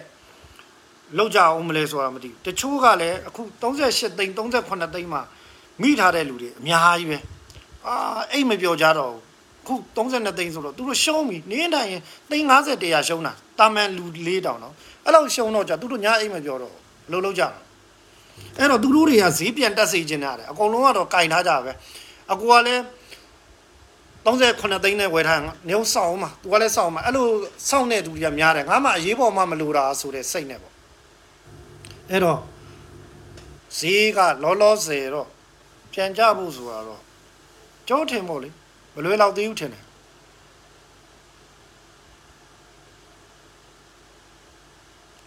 အဲ့မှာခုနပေပါကိုတို့ပါဆိုတာတရားဝင်ခိုင်မာတဲ့အဖွဲ့အစည်းဖြစ်လာမှာပေါ့ဖြစ်လာတယ်ဆိုရင်တော့ယုံကြည်ရမှာပေါ့ဗျာသူများနိုင်ငံတွေလည်းအဲ့လိုတွေလုပ်နေအောင်အခုကြတော့လူတိုင်းကခင်ဗျရွှေတွေသိမ်းရတာအိမ်မှာဓမြကြွားသေးရဲ့ဗျာတခိုးကြော်သေးရဲ့ရွှေတွေအပိုင်းလိုက်ကြီးတွေသိမ်းနေရတာဟုတ်တယ်နော် ခုနလို online ပေါ်ကနေဝယ်လိုက်တယ်ရော့ခင်ဗျတကောင်လဲထရောင်းခြင်းရောင်းလို့ရတယ် e trade ကကြခုခင်ဗျရောင်းမယ်ဟုတ်ပြီ30သိန်းရဝယ်တယ်30သိန်းဝယ်ဖြစ်သွားပြီငါရောင်းလိုက်မယ်ကွက်ကွန်ပျူတာနဲ့အင်တာနက်ဖွင့်ရောင်းဟုတ်ပြီးသွားပြီအခုကျတော့ခင်ဗျခင်ဗျတို့ကတပန်းရှုံးတယ်ကျွန်တော်ပြောပြမယ်နော်ခင်ဗျတို့ကတပန်းရှုံးတယ်အခုလိုမျိုးလက်ထက်ကနေသွားဝယ်ရတဲ့လူကတပန်းရှုံးတယ်ဘာလို့ရှုံးလဲဆိုခင်ဗျတို့ကဈေးရ အဲဈေးတက်ပြီလို့အတန်ကြားကားသားရှိတယ်ဈေးတက်ပြီဆိုဥမာ38သိန်းလောက်ဖြစ်သွားပြီဆိုဈေးတက်ပြီစီတုံးရှိတယ်ခင်ဗျကားထုတ်တုံးရှိတယ်ဟဲ့မိကန်ဒေတာတွေကရွှေထုတ်ကားအိမ်ဝိုင်းထုတ်သွားလမ်းမိပွိုင်းမိဟိုမိဒီမိဆိုလဲဆန်ရောက်ဖို့ခင်ဗျနိုင်ဝက်တနာကြီးရှိသေးတယ်အဲ့နိုင်ဝက်တနာကြီးတို့မှာအဲ့ရွှေတွေကဒိန်းဆိုရောင်းလို့အများတဲ့ကောင်ခွတ်ဆိုကြာအဲ့တော့ခင်ဗျတို့ကဈေးကောင်းမိဖို့ဆိုတာခုနလိုခရင်တွေကရှိသေးတယ် ခုနလိုဖုံးရွှေဆိုင်ကိုပိုင်နေဆိုရင်တော့အေးငါငါးပိုင်ရောက်မယ်နော်ခုလာပို့မယ်အဲ့လိုပိုင်ဆိုင်မှုရှိတယ်ဆိုရင်တော့တစ်မျိုးပေါ့ဗျာရွှေသေးဘယ်လောက်လဲ33သိန်းကနေ32သိန်းဖြစ်သွားအေးအားဆိုငါရောက်မယ်ငါးပိုင်ဖြတ်ထားလိုက်တော့ငါခဏနေပစ္စည်းလာပို့မယ်အဲ့ဒါဆိုရင်တော့ရတယ်မဟုတ်ဘူးတာမဲပြည်သူကကြတော့ခင်ဗျခုနကျွန်တော်ပြောမိကန်ဒေတာတွေကထုတ်အောင်ဟာဘီယိုတွေကထုတ်ပြီးရင်ကားဆန်တုံးပြီးရင်သွားအနည်းဆုံးငါနိုင်ဝက်နဲ့တနိုင်ကြားတယ်အဲ့ကြားထဲမှာဈေးကပြောင်းလဲဖြစ်သွားနိုင်တယ်ခုလို online ပေါ်ကနေစခွက်ဆိုရင် ရောင်းလို့ရတာပေါ့လေပကားဆိုတာဘာလဲဆိုတာဒီလိုဗျာလေပကားကိုမျိုးမင်းလိုက်ဟုတ်ကဲ့လေပကားဆိုတာလေလူတွေကသိကျင်တယ်ဒီလိုဗျခမည်းကအခုကျွန်တော်တို့လုပ်တယ်ဆိုတာကကျွန်တော်ရွှေတွေရောင်းဝယ်တွေတွေ့ကြတယ်တွေ့ကြတဲ့အချိန်မှာခမည်းကရွှေငါးပိတ်တာဝယ်ခြင်းမဲ့မဲ့ရွှေငါးသိန်းတာဝယ်ချပါရွှေတပိတ်တာဝယ်ခြင်းတယ်ပြန်မယ်ရွှေတပိတ်တာဘို့ခမည်းပိုင်ဆိုင်စရာမလိုဘူး ကျွန်တော်ပြောရနော်အဲ့အဲ့တော့ရွှေစည်းခမည်း330နဲ့ဝယ်မယ်ဘယ်လောက်တော့ရွှေသိန်း330ဟုတ်ပြီမနေ့ဈေးဖွင့်တာနဲ့ဝယ်လိုက်လေနေပဲဝယ်လိုက်ရညနေဈေးပိတ်တဲ့အချိန်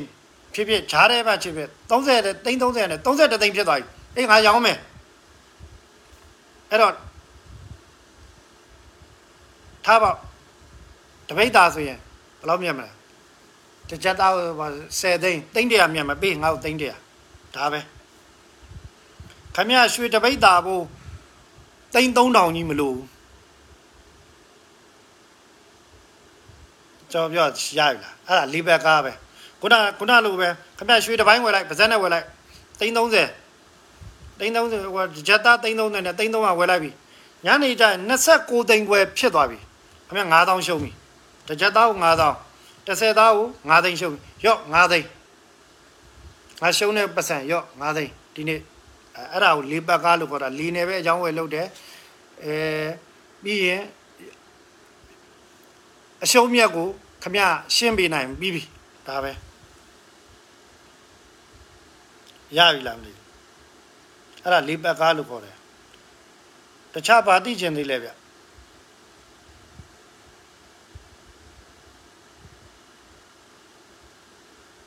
အဲ့လေးပတ်ကားနဲ့လှုပ်တော့ကြတယ်လေခုနလိုပေါ့ဗျထွက်ပြေးတဲ့လူကကြတယ်လေပြေးကြတာပေါ့ဗျ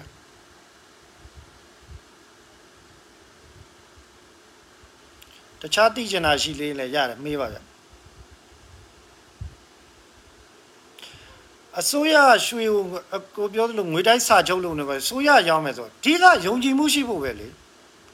ကျွန်တော်ရောင်းရောင်းကျွန်တော်ရောင်းမယ်ခုနလိုပဲခင်ဗျဝယ်ကြမလားခင်ဗျရွှေငါးချက်သားဝယ်မယ်ရော့ငါးချက်သား ကျွန်တော်ခင်ဗျအကောင့်ခင်ဗျရဲ့စည်ရင်းတွေကိုထည့်ပေးလိုက်မယ်ငါးချက်သားခင်ဗျငွေကိုကျွန်တော်ဘဏ်အကောင့်ထဲထည့်ပေးလိုက်ဒါပေမဲ့ခင်ဗျကျွန်တော်ငါးချက်သားဝယ်နိုင်တဲ့ကြော်ကြီးကလိန်မာလားဆိုတယ်မလိန်လောက်ဘူးဆိုတဲ့ပိုင်ဆိုင်မှုကျွန်တော်ရဲ့ပိုင်ဆိုင်မှုကိုခမရယုံကြည်မှခမရဝယ်ရဲမှာပေါ့ဟုတ်တယ်မလားကျွန်တော်အတက်ကခုတဲ့30တဲ့ဝင်ရကောင်းမလားမဝင်ရကောင်းမလားဖြစ်နေတာပါဗျ လေနဲ့ရောင်းဝယ်ဟိုတဲ့လေနဲ့ရောင်းဝယ်ဟိုဘယ်သူဘယ်သူက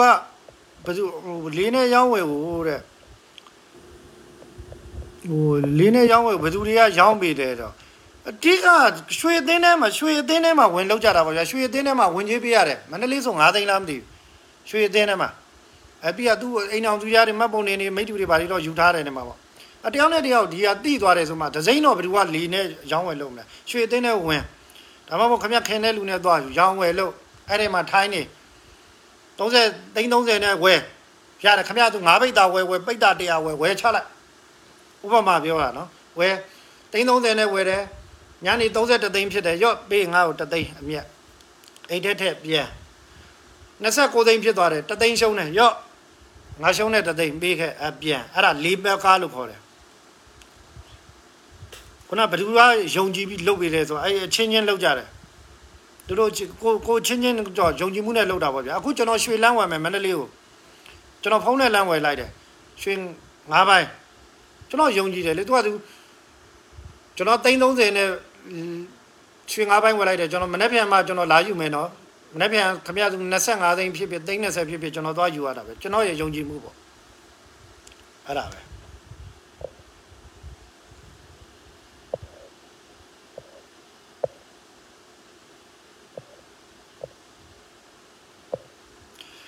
ဈေးပြန်ကြနိုင်သလားဆိုတော့ခုနလိုပဲဗျလူတွေရဲ့ယုံကြည်မှုပဲလူတွေကကိုယ်ရွှေတွေတွန်းဝယ်တယ်ဗျဒေါ်လာတွေတွန်းဝယ်တယ်ဒါပဲနိုင်ငံရေးကြောင့်ဆက်ဆက်တူပြီးတော့ဖြစ်လာနိုင်တဲ့ဟာဆိုတော့ပြောရတာခက်တယ်ပြန်လဲကြနိုင်တယ်ပြန်လဲတက်သွားနိုင်တယ်တိုင်းပြည်ကဘယ်လောက်ထိဖြစ်သွားမလဲဆိုတဲ့ဟာတွေကိုဘယ်လိုညှော်မှန်းထားကြရတော့မသိဘူးပေါ့ဗျာအဲ့တော့တချို့ကလည်းဟိုတနေ့ကဆိုရင် မိတ်ဆွေတီးရပြောတယ်အဲ့နေရတဲ့သူကတိန်း30လောက်ကနေ32တိန်း36တိန်း38တိန်း38တိန်းနဲ့ဖြစ်သွားဟာဦးနေဝင်းခက်ကလို့တဲ့ငွေမဲတွေဖြစ်တော့မှာပဲဆိုပြီးရှိတဲ့ပတ်စံတွေအဲတိန်း600လားမသိသွားပြီးဝယ်ပြစ်တာတဲ့38တိန်းနဲ့နောက်ရက်တိန်း30လည်းဖြစ်ကောအိတ်ကုန်မပြောတော့ဘူးတဲ့တေရော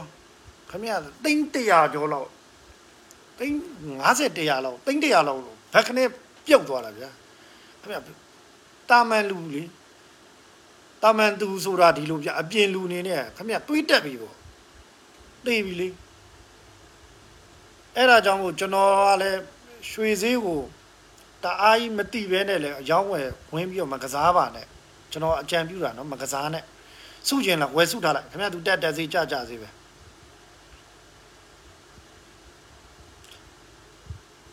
ဖားကန်ကတဲ့ဒီမှာခဏလေးဖားကန်ကဒီမှာဖားကန်ကပါ ရွှေရဘယ်ရွှေရပိုကောင်းတယ်ဆိုတာပြောရခက်တယ်လို့ကျွန်တော်ဖားကန်ရွှေရပိုညံ့တယ်လို့ပြောလို့မရအောင်ရန်ကုန်ရွှေရပိုကောင်းတယ်လို့လည်းပြောမရအောင်ခင်ဗျားတို့ချုပ်ခန်းချုပ်ခန်းရွှေဆိုရင်ကျွန်တော်တို့ကဗျာခင်ဗျားတို့ချွတ်တယ်အခောက်ကိုချွတ်လိုက်တယ်ဆိုအကုန်လုံးကတန့်စင်အောင်ချွတ်ကြတာပဲ99.9ပေါ့ဒီသူများတွေကလည်း99.99ရှိတယ်လို့လည်းပြောတာပေါ့ဗျာအဲ့တော့ဘယ်ရွှေရပိုကောင်းတယ်ဆိုတာခတ်တယ် ခုနတော့ဗျာဆိုင်နဲ့ဆိုင်တော့ဘယ်ရွှေရပိုကောင်းတယ်လဲဆိုတာအခောက်ရွှေမှာတော့မီလင်းကအလုံးကအတူတူပဲလို့ပြောလို့ရပါတယ်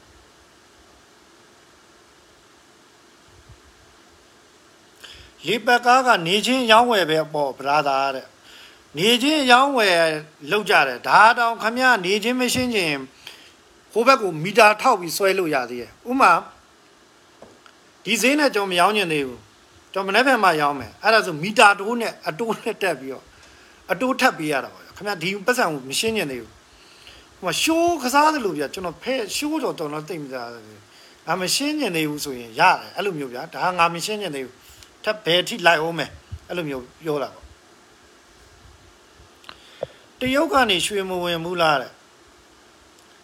ဝင်တဲ့လမ်းကြောင်းတွေတော့ရှိပါတယ်တရုတ်ကလည်းရွှေဝင်တယ် အိန္ဒိယဘက်ကလည်းဝင်တယ်လို့ပြောတယ်ချုပ်ခန်းနေရဘာလို့ကန့်သက်ထားတာလဲတဲ့ဘာလို့ကန့်သက်ထားလဲမသိဘူးအကယ်ဒမီကိုရန်ကုန်အကယ်ဒမီရွှေဆိုင်ရှိပါတယ်ရွှေစင်အကယ်ဒမီလို့ရိုက်ရှာလိုက်ပါအကယ်ဒမီရွှေရပါတယ်အကယ်ဒမီရွှေလိုချင်းအကယ်ဒမီဆိုင်မှာပဲဝယ်ရမယ်လို့မဟုတ်ဘူးကျန်တဲ့ဆိုင်တွေမှာလည်းအကယ်ဒမီရှိရယ်ခမရလူချင်းတဲ့ဟာပြောဘာရွှေလိုချင်ကျွန်တော်အကယ်ဒမီလိုချင်တယ် ဒါမှမဟုတ်အခြားတစ်စိတ်ဘာတစ်စိတ်ဖြစ်ဖြစ်ရတယ်ဆိုရင်အဲ့လိုပေါ့အကယ်ဒမီက32သိန်း2000ဆိုရင်32သိန်း2000ဆိုရင်ကျန်တဲ့အခြားတစ်စိတ်ကဥမာဗျာဟိုမန္တလာရွှေစင်တစ်စိတ်က32သိန်းပဲဖြစ်မယ်33သိန်း32သိန်း1000လည်းဖြစ်မယ်1000လောက်ပဲကွာမယ်ဟိုကခုနခုနလိုပဲ brand ရှိတာနဲ့ brand မရှိတာမှာဈေးလေးက1000လောက်ပဲကွာတယ်ဒါပေမဲ့ရွှေဆိုင်အားလုံးကတော့ ခုနလိုအခြားတစ်စိတ်မှာပဲဂျားတစ်စိတ်ကိုပဲသုံးတယ်အကယ်ဒမီကိုမသုံးဘူးဘာလို့ဆိုကျွန်တော်တို့ကအထယ်ကိုကြိုမှာဟိုကြိုပြီးတော့ဟိုရွှေကိုကြိုပြီးတော့အထယ်လုံးမှာအထယ်လုံးမှာဆိုတော့ဘယ်တစ်စိတ်လုံးဝဖို့အရေးမကြီးဘူးကျွန်တော်တို့ကအဲ့တော့ကောင်းတဲ့ကျွန်တော်တို့ဝယ်နေကြမီလင်းရွှေပိုင်းဝယ်လိုက်တယ်ဥပမာမန္တလာရွှေစင်းတို့ရွှေမင်းသားတို့ထားပါမန္တလေးမှာရှိတာလေးကိုပြောပြနော်အဲ့ဒီစိတ်ကိုဝယ်ဝယ်ပြီးတော့ကြိုကြိုပြီးတော့ခောက်လုပ်တယ်ဒါပဲအကယ်ဒမီဒီဇိုင်းလုပ်တယ်မလုပ်တယ်လေလူသိတာမှမဟုတ်တာ အဲ့တော့ကျွန်တော်တို့ကတော့ဂျားတစ်စိတ်လုပ်တယ်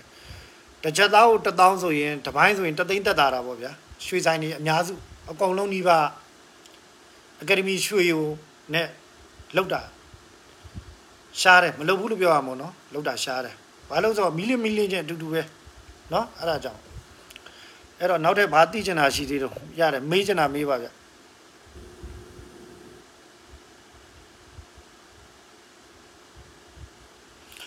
ရွှေဆိုင်တထိန်ပြောသလိုကွင်းရတဲ့ကနေတထိန်ဖြစ်နိုင်မဖြစ်နိုင်ဖြစ်နိုင်ပါတယ်ဗျတောင်းသားတောင်ရှင်မင်းဖြစ်သေးတာပဲဖြစ်နိုင်တာပေါ့ဘာမှမဆိုဖြစ်နိုင်တယ်ခုကရွှေဝယ်တင်ပြီလားတဲ့ရှိကမမစုတတ်မောခုနလိုပဲဗျရွှေကိုအကုန်လုံးကငွေတန်မိုးပျောက်သွားမှာဆိုပြီးတော့ဝယ်ကြတာပဲဗျာ သိလားအရင်တော့ခမောက်ဘန်အပ်တယ်ဘန်တိုးရတယ်ဘာပြူရတယ်အတူများကိုလှုပ်တယ်ဟွာလေးလှုပ်တယ်လုပ်ငန်းတွေထည့်တယ်မြုပ်နေတယ်အဲ့လိုပေါ့ရန်နေကအဲ့လိုလဲပတ်နေအောင်အခုကျတော့ကြောက်တော့ရွှေပေါ့ဗျာရွှေတွန်းဝယ်ကြတော့ဝဲနဲ့ဝဲလေးတက်လေးတက်လေးလိုက်ဝဲလေးအဲ့လိုဖြစ်ကြတာပေါ့အဲ့တော့ဝဲသင်းလာဆိုတော့ကျွန်တော်တို့ကပြောရတာခက်တယ်လေခုနကမဝဲသင်းဘူးလို့ပြောပြောလို့လေခင်ဗျဈေးတက်သွားတယ်ခင်ဗျဆဲမှာပဲ ဝဲသင်းတယ်လို့ပြောပြီးတော့တက်သွားတယ်လေကျုပ်တို့လည်းမဟုတ်ဝဲကြွေးမှာမဟုတ်ဘူးဟိုပြောရတာခက်တာကိုပြောတာပါကိုကဝဲပြီးစုကျင်တာဆိုရင်ဒီပတ်စံကိုပတ်စံအတိုင်းပဲရှိတယ်ဝဲပြီးစုကျင်တာဆိုရင်တော့ဝဲတာစုရွှေဝဲတယ်ဆိုရင်လဲရွှေစုကျင်တယ်ဆိုလဲအထက်ဝဲမစုပါနဲ့အထက်အထက်မီလင်အပိုင်းနေအတုံးနေတာဝဲစုအထက်ဆိုတာအရောတဲ့လက်ခတွေပါတယ်အတုံးဆိုတာအရောတဲ့လက်ခမပါဘူးအဲ့တော့အဲ့ဒါပဲလုပ်ပါ မီလင်းရွှေရမီးပြန်လင်းလာဗျာလင်းပါတယ်ဗျာဘာလို့မီလင်းရွှေတုံးလို့ဘာလို့မီလင်းရွှေတုံးရွှေလို့ပြောရတော့ပြောပြအောင်မယ်သူကအဲ့မီလင်းရွှေတုံးမီးနဲ့မှုတ်လိုက်ငါကျွန်တော်မီးပန်းနဲ့ပေါ့ဗျာမီးနဲ့မှုတ်လိုက်ရင်မဲမသွားဘူးအရင်တိုင်းမှာဝင်းနေရအဲ့ဒါကြောင့်မီလင်းရွှေလို့ခေါ်တာကျွန်တော်တို့15ပဲရေကြကြီးရတယ်16ပဲရေကိုကြီးတပဲကိုထက်တာကြောင့်မှုတ်လိုက်တယ်ဆိုရင်အဲ့ဟိုဟာပေါ့ မဲသွားတယ်အဲ့ဒါကြောင့်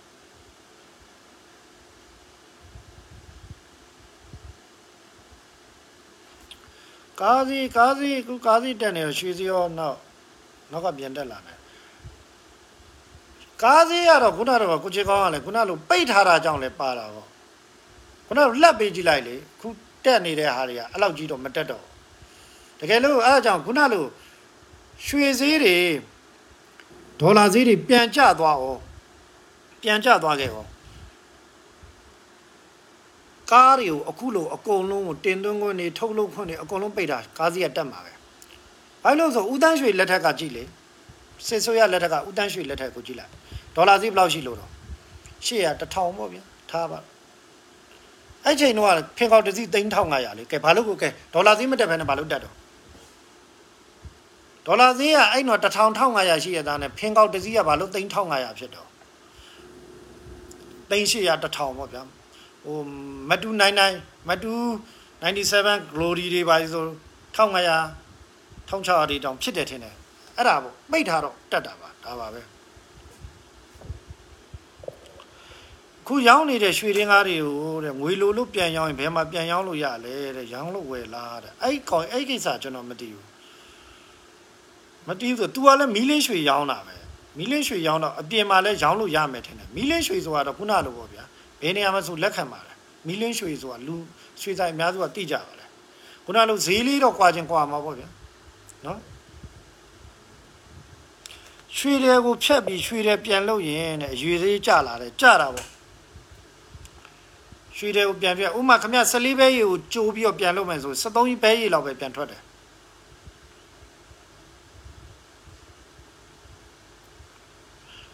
အခောက်ကိုဒါအခောက်ကိုကျိုးရင်အခောက်ပြန်ဖြစ်တာမင်း तू က15ဘဲရေကိုကျိုးရင်မီးလေ15ဘဲရေကျွန်တော်ဘူးတုဒပြောပြမယ်နော်15ဘဲရေဆွဲကြိုးတကုန်းကိုကျိုးရင်15ဘဲရေပြန်မဖြစ်ဘူး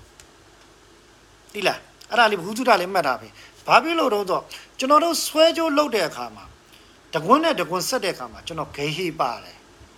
ဂိဟေးမပါလို့မရအောင်ရွှေကိုရွှေနဲ့ပြန်ဆက်လို့မရအောင် အဲ့တော့ကျွန်တော်တို့ကြီးဂိဟေးနဲ့ဂေးဆက်ဆက်ဆက်ပြီးလုပ်အဲ့တော့ဂေးတွေကတကုံးလုံးသားမှာဝင်သွားတယ်တကုံးလုံးမှာ၃ရွေးဝင်ဝင်မဲ့၄ရွေးဝင်ဝင်မဲ့ပေါ့ဗျာထားလိုက်အဲ့တော့တပည့်ဆက်သားရဲ့ခုနဂေးရဲ့ဆိုတော့သူက14ပဲကျူ15ပဲရေကျူလိုက်14ပဲရေပဲဖြစ်သွားတယ်ရှင်းသွားပြီလားမသိဘူးဝယ်ရောင်းဘလောက်ခွာလဲတဲ့ဝယ်ရောင်းကိုဈေးတက်ကြအရမ်းများနေတဲ့အချိန်မှာတော့ ဝယ်ရောင်းကိုပိုးခွာကြတယ်ဘာလို့တော့ဆိုဈေးကတနာရီတွင်းမိနစ်တွင်းကိုအရမ်းပြောင်းလဲများတော့ကိုယ့်ဘက်ကခံဘက်ကမလောက်တာပေါ့ဗျာအဲကြောင့်မို့အ ਨੇ ဆုံးကတော့အရင်တော့9000ခွာတယ်အရင်တော့ဟိုးရင်ချိန်တော့အရင်အရင်ပေါ့နှစ်နှစ်လောက်ကတစ်နှစ်ကျော်လောက်ကဒီချိန်နေတွေမဖြစ်ခင်တော့9000လောက်ခွာတယ်အခုကျ1000ခွာတယ်2000ခွာတယ်3000ခွာတယ်တခါလေအခုဈေးတက်ကြံတန်းတွေမှာသိန်းချီခွာတယ် ဘာလို့ဈေးခွာဝယ်တာတုံးလို့လည်းပါတခါတည်းပြောမယ်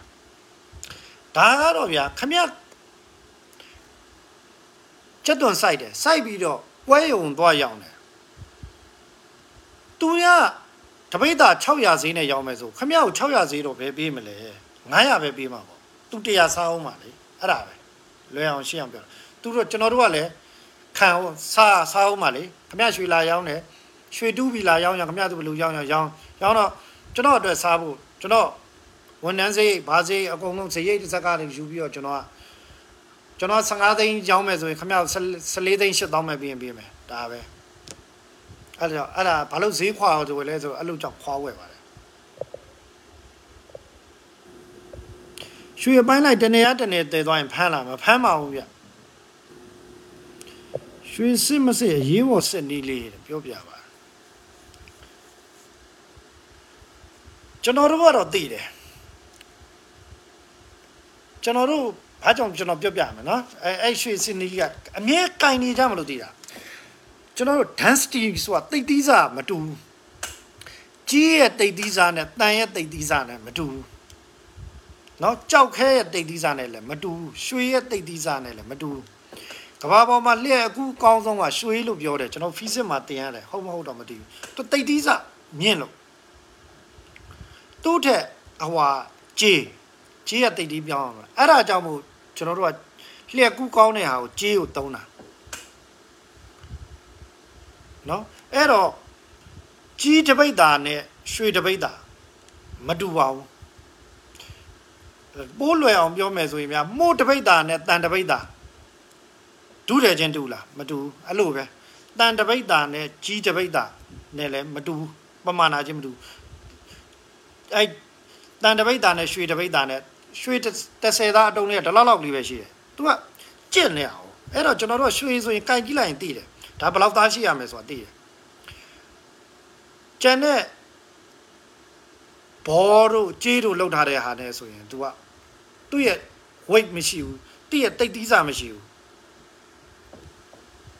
ပေါ့တာပေါ့ဗျာ။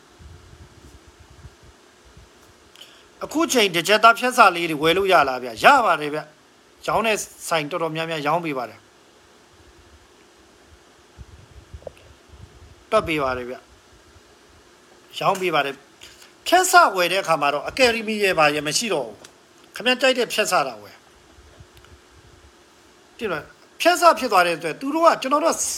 အယောင်းဝယ်လောက်တာမှာတပိုင်းစင်းတော့သွားကြတာတပိုင်းစင်းတပိုင်းစင်း တပိုင်းစင်းအဲ့အပိုင်းလိုက်ဈေးကိုပေးတယ်ဒါပေမဲ့ဖြတ်ဆဈေးဆိုဈေးနဲ့နဲ့ရော့သွားလေ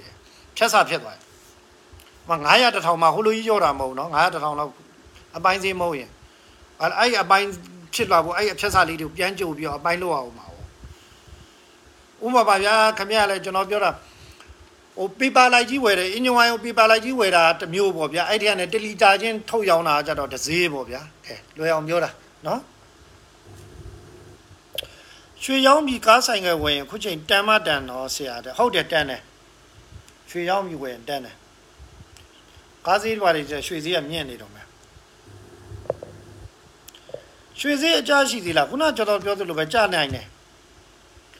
လူတွေကနိုင်ငံရေးကိုဘယ်လောက်ထိမျှော်လင့်ထားတဲ့အားလဲမသိဘူးဘာဖြစ်မလဲလဲမသိဘူးခုနလိုပဲကြောက်စိတ်တွေနဲ့တော့လောက်တာမနေ့ပြန်ရွှေပတ်စံတွေကပဲအလကားဖြစ်တော့မဲ့ပုံစံကြီးအဲ့38သိန်းထိတက်သွားတဲ့နေရာဆိုကျွန်တော်တော့ကြောက်တာဟာ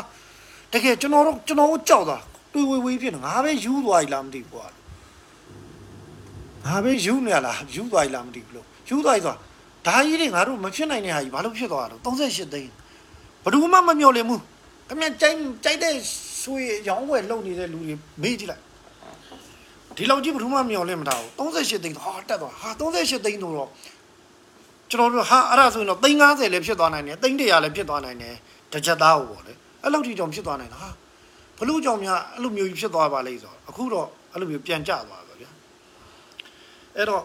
လူတွေကခုနလိုပဲရွှေတွေကင်ထားကြသေးတယ်အခုကျွန်တော်တို့ကအခြားလုပ်ငန်းတွေကလည်းမကောင်းဘူးမကောင်းတော့ရွှေတွေကင်ထားတယ်ရွှေတွေကင်ထားသမျှရွှေကလည်းအသားရှားတယ်ဝယ်လူအားတွေကောင်းနေတယ်အဲခုနလက်ထက်မှာငွေမထားလို့ကြဘူးခင်ဗျားတို့ဘန်မှာဘန်တိုးဘန်တိုးနဲ့ထားနေတဲ့လူတွေကခု မလို့မထားကြတော့ဘူးလေဘန်မှာမကြတော့မှဘန်ငွေကိုရွှေထုတ်ဝယ်တာပေါ့ခုနလိုပြောမှရွှေကကျွန်တော်နိုင်ငံနဲ့လက်ပတ်နေတဲ့ရွှေက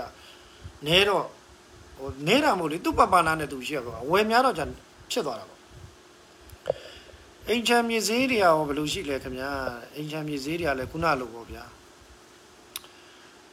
ဝယ်လို့ကတော့ခုချိန်ကြီးကတော့ကောင်းနေတော့မယ် ခုနကလူတွေရဲ့စီးပွားရေးလုပ်ငန်းတွေပြန်လေပတ်လာပြီးတော့ယုံယုံကြည်ကြည်နဲ့အများညီမှာဗျအများညီရင်ရတာကျွန်တော်ကလေးကလာကလေးကလေးကလာစကားပြောတာမဟုတ်နော်ခုနေတော့ခင်ဗျားတို့ကျွန်တော်တို့ကင်ထားတဲ့ရွှေတွေထုတ်ရောင်းကြည့်လို့ပါလား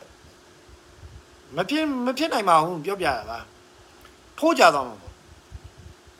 မယုံထုတ်ရောင်းကြည့်တယောက်တည်းတော့မရဘူးလားဘုရားဆိုအကုန်လုံးလား90ရန်ရန်လုံးတော့ထုတ်ရောင်းကြည့် မြတ်73သိန်းတော့ပြန်ဖြစ်ဖြစ်သွားအောင်လက်ရှိဟိုကဘန်စနစ်တွေပြန်တက်ဝင်လာရင်တဲ့ငွေကြီးတံကိုတက်လာမှာဆရာအောင်စောမျိုးဟုတ်တယ်ဘန်စနစ်ကပြန်တက်ဝင်နေပြီပြန်တက်ဝင်နေပြီတော်တော်အလုံးလုံးနေတယ်ကျွန်တော်သိတော့ဘန်တော့မပြိုလဲဘူးဗျာတေးကြတယ်ကျွန်တော်စောကြီးကနေလည်းပြောခဲ့တယ်ဘန်မပြိုလဲဘူးဒါပေမဲ့ခုနလိုပေါ့ပြောလို့မရဘူးလေကိုဘန်တော့ဝိုင်းထုတ်တာကိုဝိုင်းထုတ်တော့ မထုတ်ပေးနိုင်တော့ခုနလို percentage တွေဖြစ်တာပေါ့ဒါပဲဒါကတော့ကျွန်တော်တို့တယောက်နဲ့တယောက်ညှိလို့ရမှာအခုရွှေမွေပါနဲ့လို့ခင်ဗျားတို့ကျွန်တော်ပြောလို့မရအောင်ကျွန်တော်လည်းပြောလို့မရအောင်ကိုကြိုက်တာကိုလုံးနေကြအဲဆိုတော့ကြောက်စိတ်နဲ့ဝိုင်းဝယ်တယ်10ယောက်ရှိတာ9ယောက်ရွှေဝယ်တယ်အဲ့တော့ရွှေစည်းတက်တယ်လက်ရှိရွှေဆိုးရထုတ်ရောင်းနေတဲ့ရှေ့အလားလာကိုသုံးသပ်ပြပါရှေ့ तू ထုတ်ရောင်းတဲ့ဟာကိုကျွန်တော်မပြောတတ်ဘူးပြ तू ကဘယ်လိုရောင်းနေမှလည်းမသိသေးဘူးဒါပေမဲ့ရန်ကုန်နဲ့မန္တလေးမှာပါရောင်းပေးမယ်လို့လည်းပြောတယ် ဒါပေမဲ့ခုချိန်ထိတော့မရောင်းသေးဘူးတကယ်တမ်းသာလာသမ်းမှာဘဒူလားဝယ်ဝယ်လားရောင်းမိသမ်းမှာဈေးကိုကျွန်တော်ပြောတိုင်းမလျှော့ရောင်းပါနဲ့အပြင်မှာ30ပေါက်ရင်29ခွဲလောက်နဲ့ပဲရောင်းပေးလာမင်းတို့ဘယ်လောက်လိုချင်လို့လာခဲ့လားလာလာခဲ့အိမ်အောင်စုတည်းဟိုကုန်းတယ်တွေကိုမရောင်းပေးနဲ့အိမ်အောင်စုစရာကိုလာတပြားဆိုတပြားလူတိုင်းလာဝယ်လဲရောင်းပေးလိုက်အဲ့ဒါဆိုခင်ဗျရွှေစည်းကဘယ်လိုလုပ်တတ်မှာသူရောင်းသေးတယ်ဘယ်လိုမှမတတ်မရအော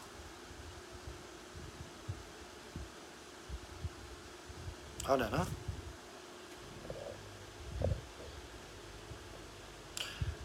15ဘဲယူဘောနဲ့ဆက်ထားပြီးမိမို့ရင်ဘယ်လိုရောင်ဖြစ်သွားမလဲမဲသွားမှလားဗျာတဲ့15ဘဲကြီးက15ရဲကြီးကခုနလိုဘောနဲ့ဆက်ထားတဲ့ဟာတွေကလည်းကျွန်တော်ပြောမှတော့ကျွန်တော်တော့ဘာရောင်မှန်းတော့မသိဘူးကျွန်တော်လည်းမီးတော့မဟုတ်ဘူးကြီးနဲ့ပြောတော့မဲသွား तू လည်း तू ကတော့ဘောက ဘောကတော့ခုနလိုပေါ့ပြရွှေရေလှတယ်ဒါပေမဲ့ကျွန်တော်ဒီမြန်မာနိုင်ငံအလဲပိုင်းဟာတွေကမကြိုက်ကြဘူးမြန်မာနိုင်ငံသားတွေကမကြိုက်ကြဘူးအဲ့ကြောင့်ဘောနဲ့မဆက်ကြတာ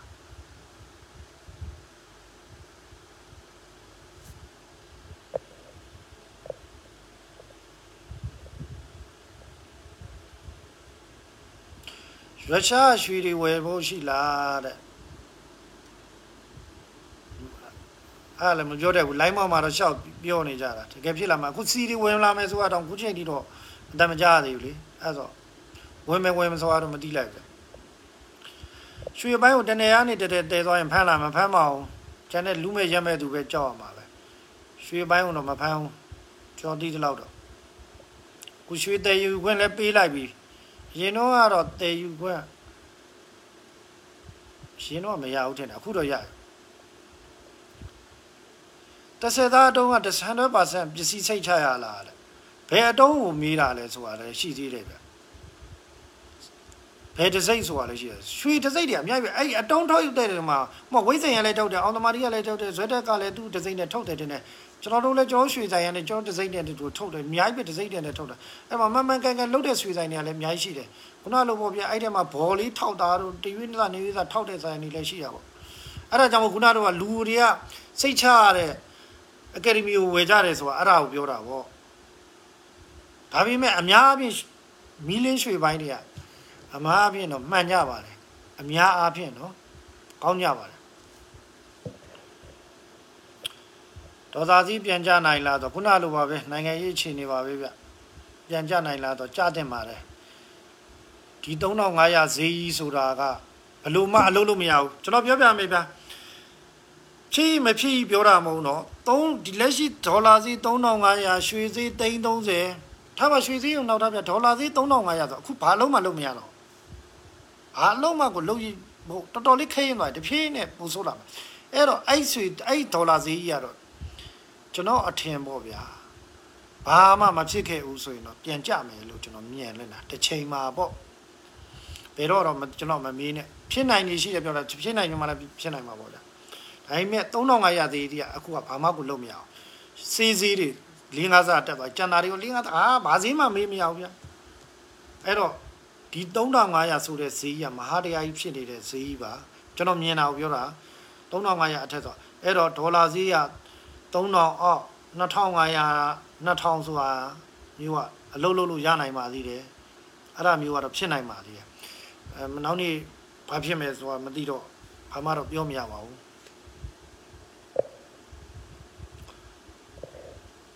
အဲ့တော့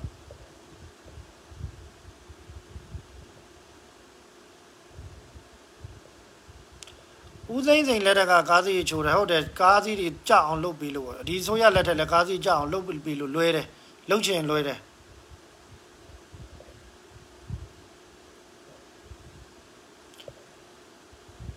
အဖောက်ထရီလာအဲ့ဒါတွေကျွန်တော်တို့မလုပ်ဘူးဗျအဲ့ဒါကိုလည်းမလုပ်လဲမလုပ်ကြပါနဲ့အကူညီညီလား အဲအဲရွှေဟိုအဲနိုင်ငံခြားရောင်းဝယ်တွေမလုပ်ကြပါနဲ့ဒီနေရာလဲကြိုပြောတာအဲနားမလဲပါမလဲနဲ့ခံသွားရလိမ့်မယ်ကိုကသူဟိုဒီမှာလက်တွေ့ဝယ်ရောင်းလုပ်ပါနော်ပြီးရင်ကျွန်တော်ရွှေကိုဘယ်ကနေဝယ်ရမှာတော့မေးတယ်ရွှေခုနလိုပေါ့ဗျာကျွန်တော်ခမစိတ်ချရတဲ့နေရာရှိမှာမီးလေးရွှေပဲဝယ်ပြီးစုပါအတုံးကိုရွှေဝတ်ဖို့မဟုတ်ဘူးဆိုရင်တော့ ပြီးရင်မီးလေးရွှေအတုံးမဲ့ပြန်ရောင်းမှာအဲ့ဒါဝယ်စည်းနဲ့ရောင်းစည်းကခုနကလိုပဲနည်းနည်းပဲကွာပါတယ်နော်နည်းနည်းပဲကွာပါတယ်အဲ့တော့စုစုတယ်ဆိုရင်ရွှေကိုစုကြပါရွှေဆိုတာငွေဖြစ်လွယ်ဆုံးပဲဗျာငွေဖြစ်လွယ်ဆုံးသောပစ္စည်း hard currency လို့ခေါ်တယ်ရွှေကိုငွေဖြစ်လွယ်မှုဥမာခုနေတော့ခမတောတဲ့ကိုရောက်သွားကြည့် ခမရဒေါ်လာပါလာတဲ့လူနဲ့ကျွန်တော်ရွှေပါလာတဲ့လူဈေးဝယ်စားမယ်တောတဲ့တောနဲ့ထဲမှာဈေးဝယ်စားမယ်ဆိုအဲ့လူကရွှေပါတဲ့လူကိုရောင်းမလားဒေါ်လာပါတဲ့လူကိုရောင်းမလားရွှေပါတဲ့လူပဲရောင်းမယ်အဲကြောင့်ရွှေကကဘာနဲ့စံတက်မှတ်တာရွှေကိုအကြိုက်ဆုံးအကောင်းဆုံးလို့လောက်တာအဲကြောင့်မို့ရွှေပဲစုကြပါနောင်လဲရွှေပဲစုကြပါစုခြင်းပေါ့ဗျာ ဒါပေမဲ့ခုနလိုပေါ့ဗျာကြောက်အားလန့်အားကြီးနဲ့ဘာအလုံးမှမလုပ်တော့ဘဲနဲ့ရွှေပဲလိမ့်ဝဲဘန်လည်းမတော့ဟွာပဲဒါပဲလိမ့်ဝဲလေဟာမျိုးပေါ့ဗျာကြောက်လန့်ကြီးဝယ်တာတော့စမပြေဘူးအဲ့လိုမျိုးဆိုရင်တော့ဖြစ်မှာပဲဈေးတွေပြန်မှာနိုင်ငံခြားရွှေဒီပြန်ရောက်ရင်ရပါတယ်ခုနကမီလင်းရွှေရတကဘာလုံးအတူတူပဲ99.99တူတူပဲ 99.9ရှင်းလဲ9ရှင်းမယ်အကုန်လုံးမီလင်းရွှေရဘယ်နေရာမှာရောင်းရောင်းအတူတူပဲကွာလဲနည်းနည်းပဲကွာမယ်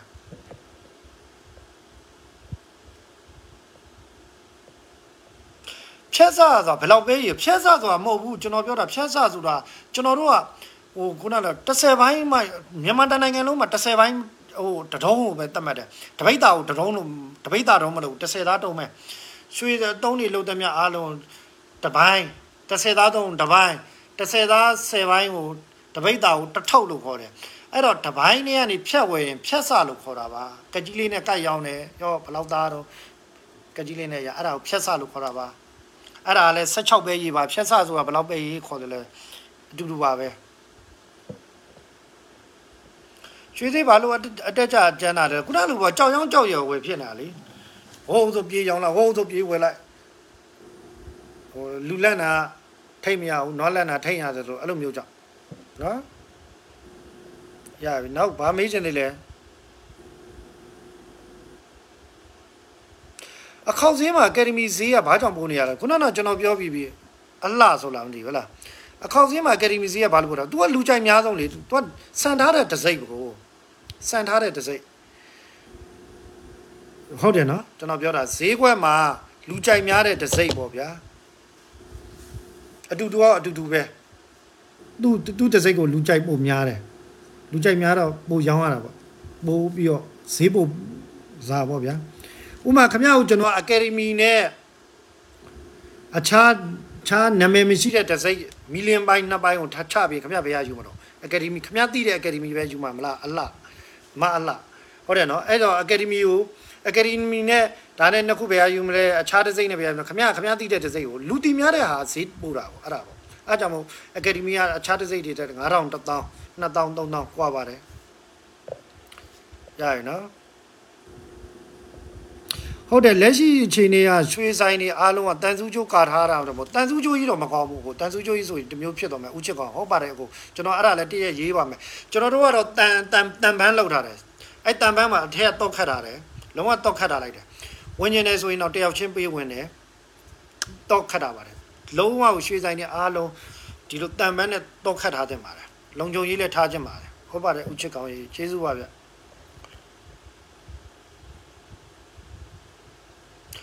အတုံးတုံးလေးဘာလို့တက်သွားတာလဲတီးတီးချင်လို့ပါတဲ့မအင်ဂျင်စကိုင်းဟုတ်တယ်မကြိုက်တော့လို့အတုံးတုံးနေတက်တာပါအတုံးတုံးဆိုအပေါင်တုံးတုံးပြောတာထင်ပါတယ်ဗျဟုတ်တယ်မကြိုက်တော့လို့ပါဘာလို့ဆိုအရင်တော့ အရင်တော့ဟိုတိန်တထောင်အပေါင်နဲ့ဝင်နေတယ်ဆိုရင်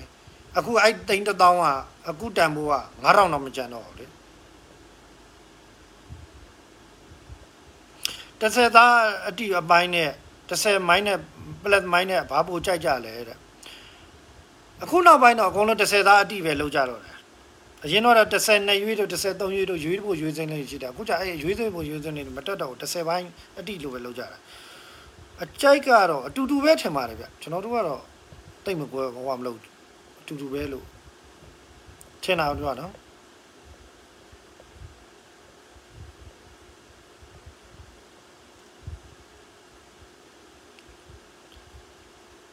မြန်မာပြည်မှာတဲ့နေဆက်ကထွက်တာပုံများလို့ဈေးမကျလာလားတဲ့ရွှေတွေကနေဆက်ကနေထွက်တာမရှိနိုင်ဘူးလို့ပြောမရပါဘူးရှိနိုင်ပါတယ်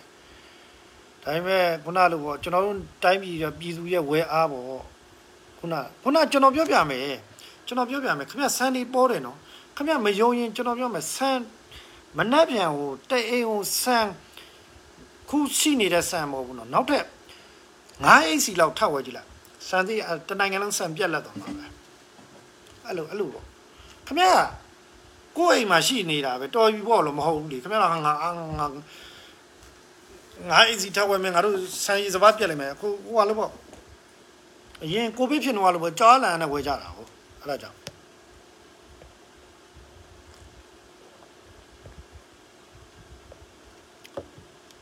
ဘယ်ဈေးလောက်ဆိုဝယ်သင့်လဲတဲ့ပြောရတာခက်ပါတယ်အဲ့ဒါတွေကလည်းခုနကကိုဝယ်ထားလိုက်ဝယ်ထားပြီးငါစုထားမှာဆိုတက်စည်းကြစည်းတွေကိုမစင်စားနဲ့ ဒါမှမဟုတ်ဘဲနဲ့ငါဒါလေးဝယ်ထားမယ်တက်ရင်ပြန်ထုတ်မယ်ကြက်ရင်ပြန်ထုတ်မယ်ဆိုခင်ဗျညာအိပ်ပြောမှာမဟုတ်ဝင်လို့မနေနဲ့တခြားစိတ်ချရတဲ့ဝင်လို့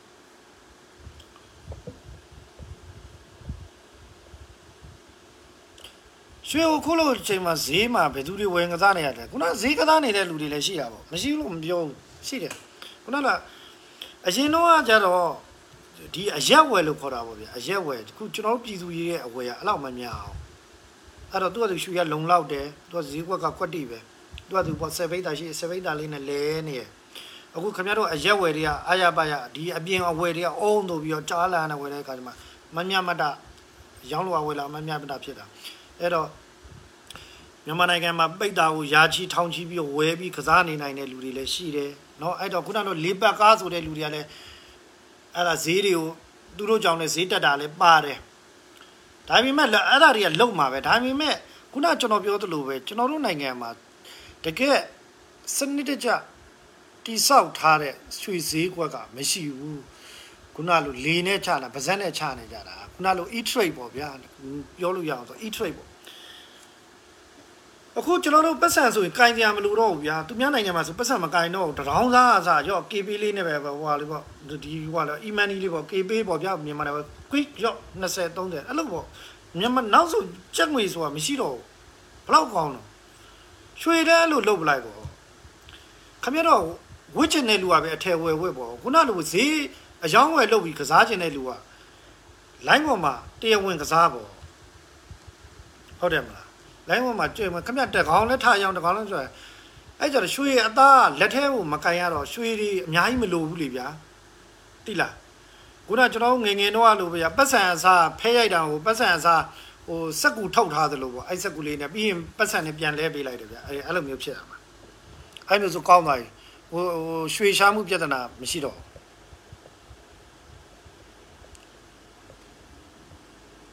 ကားချီနေလားကားချီနေကလည်းအခုချိန်ကြီးကတော့အများဆုံးအများစုတက်နေရပဲဒါပေမဲ့ကားက ကားဆိုတာကျွန်တော်ခုနဟိုတခါတော့လည်းရေးဘူးတယ်ကျွန်တော်ကျွန်တော်အဲ့လိုပြောလဲကြိုက်လို့ကားအခုခမရတို့စီးနေတဲ့ကားဟို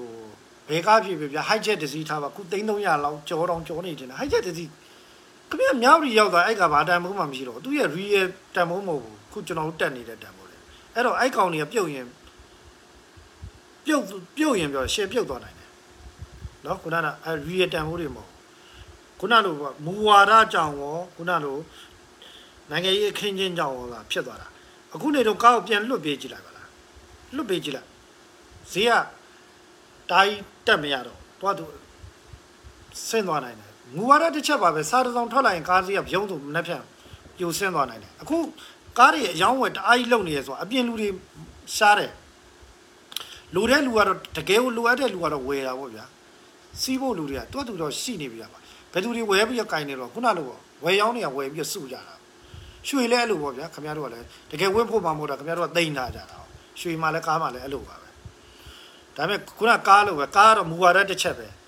ကိုကကြတဲ့ရွှေစည်းကိုအစိုးရချလို့ဆိုတာ तू ထုတ်ရောင်းပေးနိုင်တယ်ဆိုတော့ချပေးနိုင်တာပေါ့ကားကတော့ခုနလိုမူဝါဒတစ်ချက်ကို तू ခလုံးနှိပ်လိုက်တာနဲ့ခွက်ဆိုစားတစောင်းချမ်းသာမှာခွက်ဆိုပြောအရာရာဖြစ်သွားနိုင်တယ်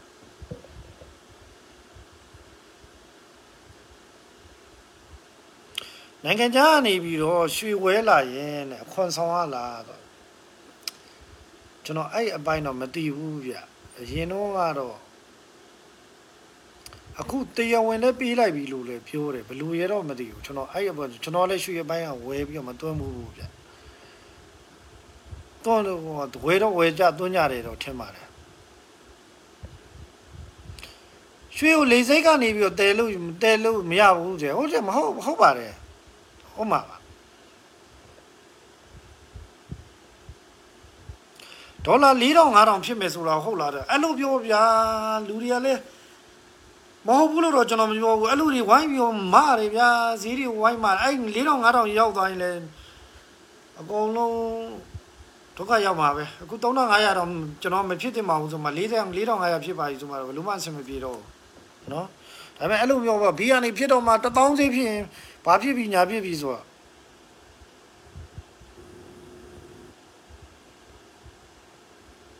ပြောမရဘူးအဲ့ဒါတော့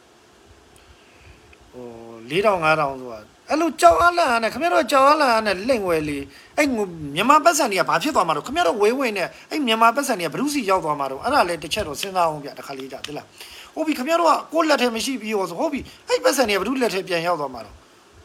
အငွေ့ပြန်သွားမှာလား အဲ့အဲ့ဒါလည်းဟိုတစ်ချက်လေးတော့စဉ်းစားပေးကြအောင်ဗျတခါလေးမှလည်းကြောက်စိတ်ကြောင့်လှုပ်ရင်းလှုပ်ရင်းနဲ့ကိုယ့်လေပင်ကိုပြန်ညစ်နေသလိုဖြစ်နေဦးမယ်တခြားလေးမှလေအခုနေတော့ခင်ဗျစံတွေကိုလူရဲ့ဝယ်ကြီးဈေးထောင်တက်သွားမှာပဲတခါလေးမှတော့လေတအားကြီးတော့ကိုချင်းချင်းပြန်တက်နေမိတာပေါ့ဗျာကျွန်တော်ကလည်းရွှေတွေလိမ့်ဝဲခင်ဗျားလည်းတို့ကလည်းရွှေတွေလိမ့်ဝဲလိမ့်ဝဲတော့ဈေးတွေထောင်းတက်ဒေါ်လာတွေဝဲဒေါ်လာတွေထောင်းတက်အဲ့တော့ကုန်စည်နှုန်းတွေတက်အဲ့တော့အောက်ခြေကပြည်သူတွေကငတ်သွားရော နေ့စဉ်ရွှေစည်းနှုန်းကိုဘယ်သူတတ်မှတ်တာလဲအဲ့ဒါကျွန်တော်ဖြေပြီးပါပြီဗျခုနကအဲ့ဒါအတူချုပ်ပြန်ပြောအောင်မယ်ခုမှကြည့်တဲ့လူတွေရန်ကုန်ရွှေအသင်းမှာရောင်းသူရောင်းမဲ့သူတွေဝယ်မဲ့သူတွေရွှေရောင်းဝယ်လုပ်တဲ့လူတွေတွေ့တယ်တွေ့ပြီးတယောက်နဲ့တယောက်ဈေးဖွင့်တယ်ပွဲစားတွေပေါ့ရောတွေ့ဖွင့်တယ်အဲ330ဖွင့်တယ်ဟိုက33 330နဲ့အဲ29သိန်း8000ပြီးတယ်ဟိုက29သိန်းခွဲပြီးတယ်ပေးပေးနဲ့နောက်ဆုံးကြိုက်စည်းကြောက်သွားမှတဲ့သွားပြီဒိန်းတို့တဲ့သွားပြီအဲ့ဒီမှာ အဲ့29သိန်းနဲ့6000နဲ့အယောင်းဝယ်ဖြစ်သွားပြီဆိုရင်အဲ့ဒါ29သိန်း6000ပဲအဲ့တော့အဲဖြစ်သွားဖြစ်သွားအဲကျွန်မရောင်းလို့အများဝယ်လို့အများအဲ့မှာဈေးကအတက်အကျအတက်အကျဆိုအဲ့လိုဖြစ်လာတာပဲဒါပဲဟုတ်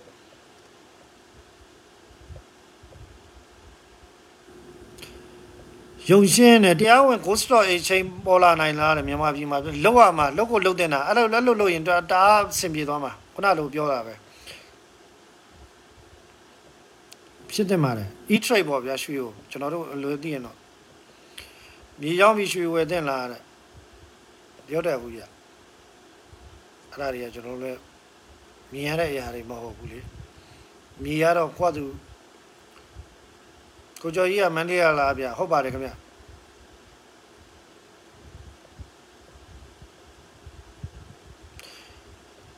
လက်ရှိမြေရလဲဗျာပြန်ကြနိုင်တာဆိုလက်ရှိမြေရလဲအာရမကြီးတက်နေတာပဲဗျာအကုန်လုံးအာရမကြီးပဲဘူပေါင်းကြီးတို့ပဲမဟာတက်တက်နေတာဟိုဘယ်လိုပြောမလဲတိုင်းပြည်ပြတ်သွားရင်တော့မပြောတတ်ဘူးဗျာမပြတ်ဘူးဆိုရင်တော့ဒီဈေးတွေကတော့ကျွန်တော်တော့မျှော်လင့်လို့ရတဲ့ဈေးတွေမဟုတ်ဘူးစီတပိတ်တော့ခင်ဗျာတပေါင်းခွဲဗျာစီစီတပေါင်းကိုတသိန်းခွဲဘယ်လိုလုံးခင်ဗျာစားတော့ကြမလို့ရွှေသင်းကရွှေသင်းကသူတို့ကရွှေပိုင်တဲ့လူတွေမှာရွှေသင်းကတဲ့ ဈေးကြတတ်မှတ်ပြီးတော့တဲ့ကိုနေမျိုးဈေးကြပါသူတို့ကဘာလို့မရောက်မိလဲရွှေသင်းကရွှေရောင်းတာမဟုတ်ဘူးရွှေသင်းကရွှေရောင်းတာရွှေသင်းဆိုတာရုံကမ်းပဲခင်ဗျားလဲလာကျွန်တော်လဲလာရွှေရောင်းဝယ်လုပ်မဲ့သူတွေအဲ့မှာစုံရက်ပေါ့ဗျာကားပွဲစားတန်းလို့ပေါ့တွေ့တယ်တွေ့ပြီးတော့ရောင်းဝယ်လုပ်တယ်ဒါပဲသူကတခါလေးရောင်းမဝယ်မတွေမဖြစ်အောင်ထိမ့်ချက်ပေးတယ်ဒါပဲရွှေသင်းကရွှေမရှိဘူးရွှေသင်းမှာရွှေလည်းမရှိဘာမှမရှိဘူး ရွှေအသင်းမှာပါဝင်တဲ့ဥက္ကရာတွေတို့အတွင်းမှုတွေကတော့သူတို့ရွှေရှိမှာပေါ့ဗျာရွှေအသင်းမှာရွှေမရှိဘူးသူတို့ဥက္ကရာတွေအသင်းတွေမှာတော့ရွှေရှိမှာပေါ့ဟလာရရင်နော်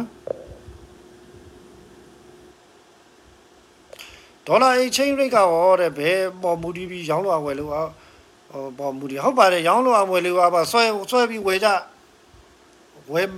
ဝယ်များရင်ဈေးတက်ခေါ်ပြောဗျာရောင်းများဈေးချော့ခေါ်ဒါပဲ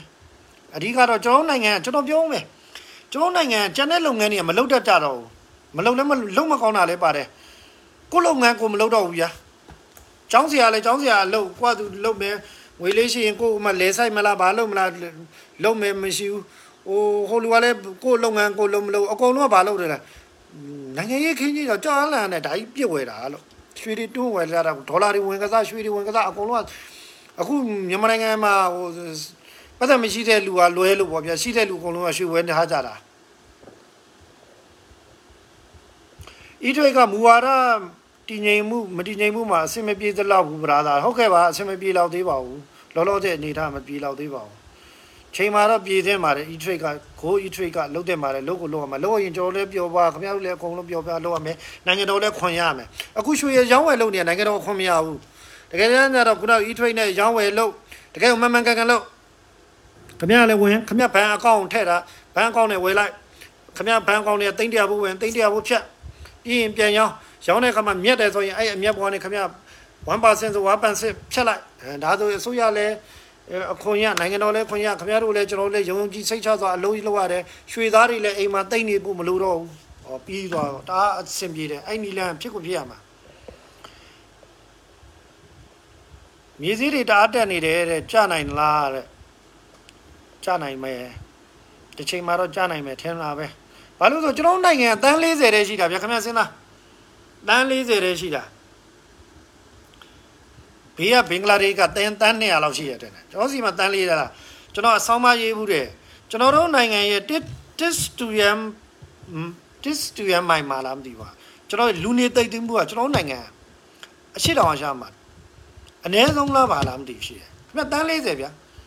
ခင်ဗျကျွန်တော်မနေရသေးရမြေလူမြေရိုင်းတော့ပေါ်မှာပေါ်ဒါပေမဲ့ဘာလို့တော့ဆိုလူတွေကဒီမြေတွေဝယ်ထိန်နေရလေဝယ်သိမ့်နေကြတာလေလူတယောက်တည်းနဲ့မြေဆယ်ခွက်ကွက်20တချို့ပြောတော့ပါဦးပိုင်ရဆိုင်ရတွေရောအကုန်လုံးတွေကမြေခွက်တွေဝယ်သိမ့်တာဒါကျွန်တော်တို့ကတော့မရှိတာဟုတ်အဲ့တော့ဖြစ်နေတာကျွန်တော်နိုင်ငံရဲ့မြေဈေးကခင်ဗျဘန်ကောက်တို့ဟိုအမေရိကန်တို့ထဲတောင်ဈေးများနေပါတယ်ဆိုမှ ခင်ဗျအခုနေတော့အဲ့ဒါကြောင့်လည်းတိုင်းပြည်ကမတိုးတက်တာပဲမြေဈေးတွေဒါတိုးတက်တာလေဘာလို့ရမှာလို့မရဘူးကိုခမခမပတ်စံရှိလို့ဆက်ယုံတစ်ခုဖွင့်ကျင်တယ်ဆိုရင်ဆက်ယုံမဟုတ်ရှိဘူးခမမြေစည်းမြေဖို့မတက်နိုင်တာနဲ့ခမဘာလို့မရတော့အဲ့တော့အဲ့လိုဈေးတွေအများကြီး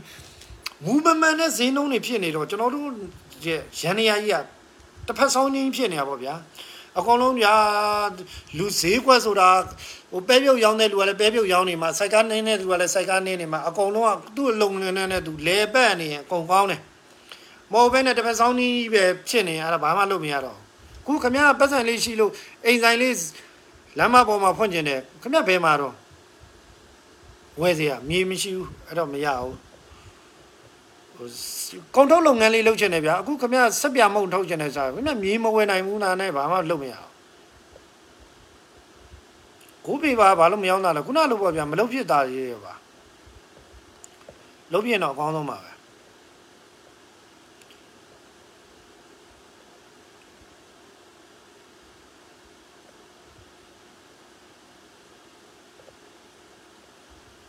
တိတ်ကြီးလဲကြောက်မနေပါနဲ့မိုးပြိုများနေပါဗျာခင်ဗျားတို့ကျုပ်တို့ခင်ဗျားတို့ကျွန်တော်တို့ကဒီဒီတိုင်းပြည်ကတော့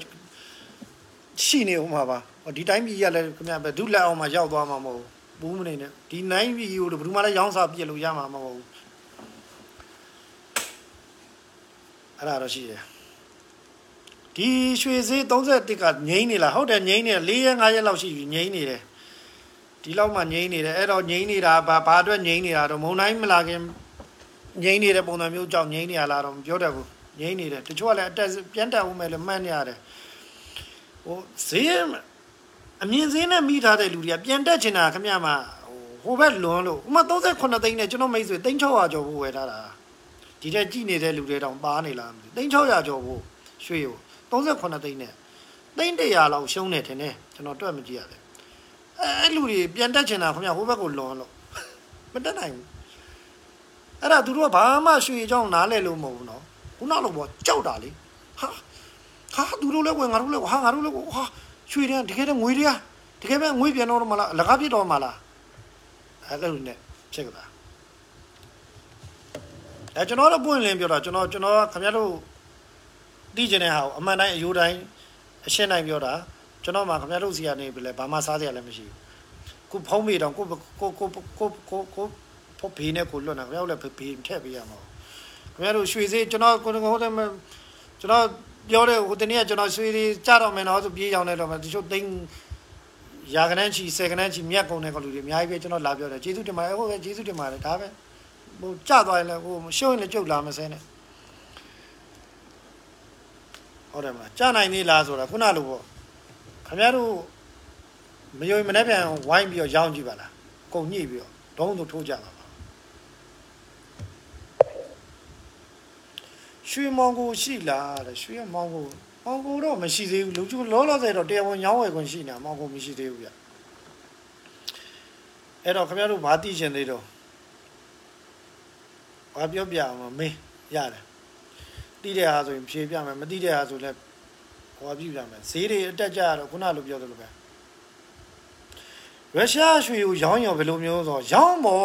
ရောင်းနိုင်တော့ရှော့ရောင်းနိုင်ရင်ဂျူရောင်းခင်ဗျရွှေရုရှားရွှေမကောင်းခင်ဗျအီတိုပီးယားရွှေရောင်းရောင်းကောင်းတာပေါ့ခုနစီရီတောင်လာမယ်ဆိုတော့ကျွန်တော်တို့ဝမ်းနေသားနေတာစီတလီလာမြ1500လောက်ဖြစ်သွားဘယ်တော့ကောင်းလို့ဗျာခင်ဗျတိုင်းပြည်တအားကိုကောင်းသွားမှာတိုင်းပြည်ကောင်းတာမကောင်းတာတဲ့ပြည်သူတွေပေါ့ဗျာတိုင်းပြည်ကောင်းတယ်ဆိုတော့ပြည်သူကောင်းတာကိုကျွန်တော်ပြောတာကွာကျွန်တော်ဒီလည်းထက်ဟိုနိုင်ငံရေးတွေကျွန်တော်ထက်ပြောတာပေါ့အခု ခင်ဗျကုံစင်းလုံးတေယူစေးတွေခင်ဗျဘလောက်ထိမြင်နေတော့အဲ့ဒါကိုပြောတာပါ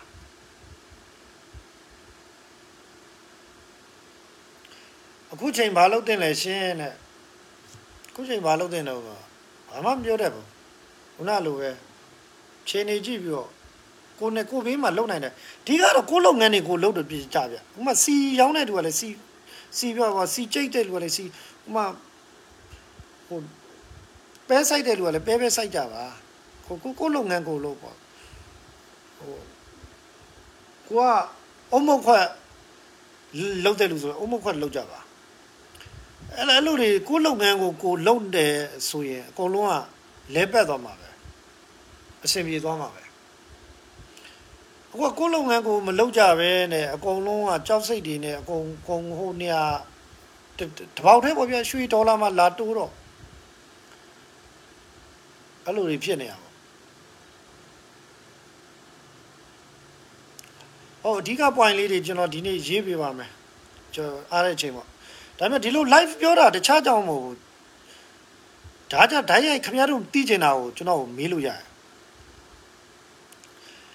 ရွှေဆိုင်တွေမှာရောင်းတဲ့ 80k ဆိုတာပြဝယ်ပြီးပြန်ရောင်းလို့ရရပါတယ်ဗျာ 80k ဆိုတာ platinum ကိုခေါ်ပါတယ်ဗျ platinum ပေါ့ဒီလိုနိုင်ငံကိုပြောတာနိုင်ငံခြားဝယ်တာရွှေဖြူပေါ့ platinum လည်းမဟုတ်ဘူးတကယ် platinum လို့ခေါ်တာရွှေဖြူ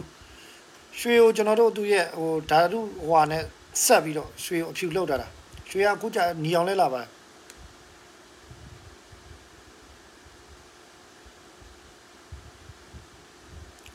ဓာတ်စီစီကျနိုင်နေလားရှင်းဓာတ်စီစီကခုနဒေါ်လာစီကြောင်းလဲကျဒေါ်လာစီကျရင်လည်းကျနိုင်တယ်သူတို့ပြောပြောနေတဲ့ရုရှားစီတွေဝင်လာတော့မယ်ဆိုတဲ့ဟာကြီးဝင်လာရင်လည်းကျသွားနိုင်ပါတယ်ဗျ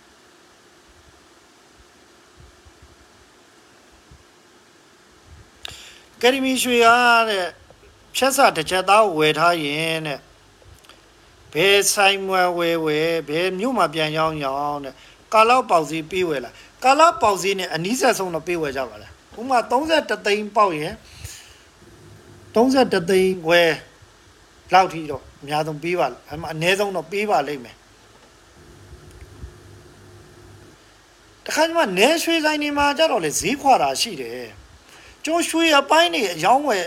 လောက်တာမြို့ကြီးတွေမှာပဲရှိတာဥမာဥပမာခမရကြောက်ပတောင်းကနေပြီးတော့ရွှေ30သားဝယ်ခြင်းနဲ့ဆိုရင်ကြောက်ပတောင်းမြို့ပေါ်မှာမရှိမန္တလေးကိုလန့်ဝယ်ရတာမန္တလေးကလက်ကားဆိုင်ပေါ့ဗျာရွှေအယောင်းဝယ်အဲ့ချိန်မှာခမရရဲ့အဲ့ရွှေကိုတွားယူဖို့ပြုတ်ဖို့ပြီးရင်ခမရဒီကနေဘန်းနဲ့ငွေလွှဲစေအဲ့ဒါဒီကြောင့်နေရွှေဆိုင်တွေကနည်းနည်းတခြားသူတွေတဲ့ရွှေစည်းလေးမှာနည်းနည်းလေးပူဟရပါတယ်အဲ့ဒါကိုလည်းနေရွှေဆိုင်တွေက နားလည်ပြီးဖို့လိုပါတယ်ဥပမာရွှေ30သားရွှေကြောက်ပတောင်းကနေပြီးတော့မန္တလေးကိုလန့်ဝဲတယ်ငွေလွှဲကပေးရအောင်မယ်ဘန်းနေလန့်ငွေလွှဲတယ်ပြီးရင်အဲ့ရွှေကိုပြန်တည်ရတာနဲ့ပြူရတာနဲ့အဲ့လိုဇရိတ်စကားလေးရှိပါတယ်အဲ့တော့ဘယ်နေရာမှာရောင်းရောင်းအတူတူပါပဲနည်းနည်းပဲကွာပါလိမ့်မယ်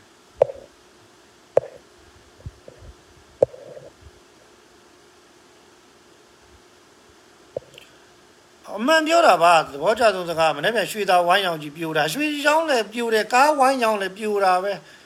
အခုကမို့ဘလို့ကြောက်ပြောမှာကျွန်တော်လူတွေကအကုန်လုံးကိုလွတ်မြောက်ရေးကိုပဲလောက်တာလေ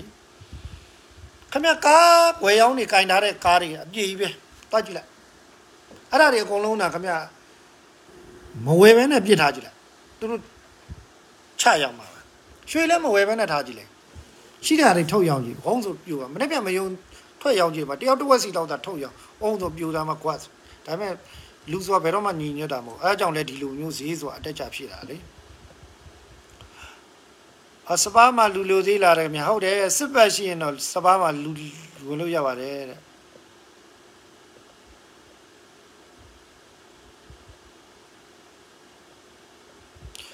ကြောက်ချင်းကပြည်သူကိုဒုက္ခပေးတာပြည်သူကိုဒုက္ခပေးတာမဟုတ်ကြောက်ချင်းကတော့လူတိုင်းကိုဒုက္ခပေးတာပဲအဲကြောက်ကြောက်တရားကတော့လူတိုင်းကိုဒုက္ခပေးတယ်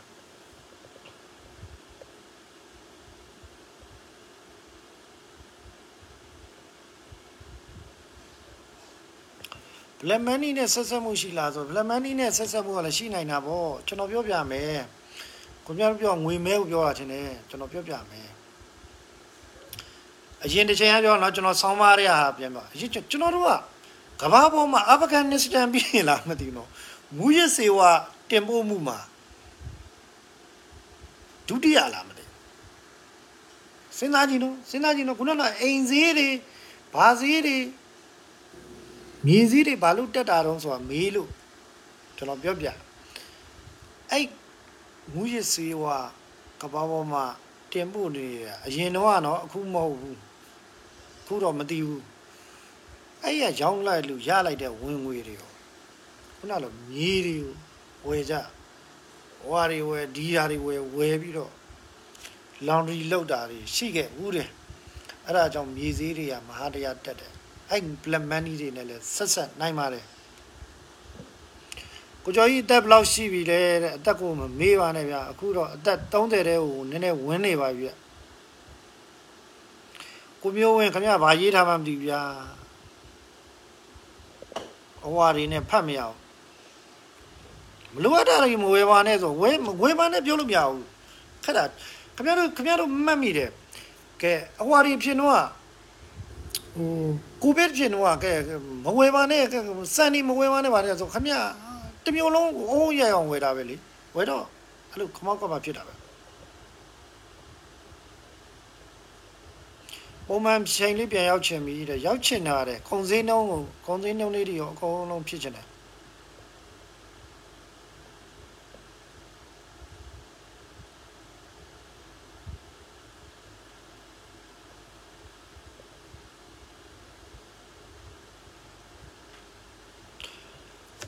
ကမ္ဘာရွှေစုံနေနဲ့တွက်တာတဲ့33သိန်းဖြစ်နေတယ်ဟုတ်တယ်ခုန33သိန်းဖြစ်တယ်ကမ္ဘာရွှေစီက33သိန်းတော့မဟုတ်ဒီနေ့32သိန်းခွဲ32သိန်းလောက်ဖြစ်တယ်အဲ့ဒါခုနလိုပြောတာပဲလေကမ္ဘာရွှေစီတဲ့မြန်မာရွှေစီကတက်နေတာလည်းရှိတယ်ကျနေတာလည်းရှိတယ်ခုနရောင်းလို့အားဝယ်လို့အားလို့ရောင်းလို့အားဝယ်လို့အားပေါ်မှာမူတည်ပြီးကျွန်တော်တို့ဟာအတက်ကြဖြစ်တာကိုကျော်ကြီးကကိုကျော်မင်းလွင်လာရှင်တော့မဟုတ်ပါဘူးခင်ဗျာကျွန်တော်နာမည်အရှိကကိုကျော်နိုင်ဝင်းပါခင်ဗျာ မခင်တန်းဝင်းကျွန်တော်ကိုကိုကျော်မင်းလွင်မဟုတ်ပါဘူးခင်ဗျာဟုတ်ကဲ့မနေ့ပြန်ရွှေစည်းလေးခံမှန်းပေးပါဦးလေမနေ့ပြန်ရွှေစည်းလေးဒီနေ့ကောကရေနံစည်းတွေကတော့ကြားတယ်တဲ့ရေနံစည်းတွေကြားရင်ရွှေစည်းတွေကလည်းတက်တက်တယ်တဲ့နာ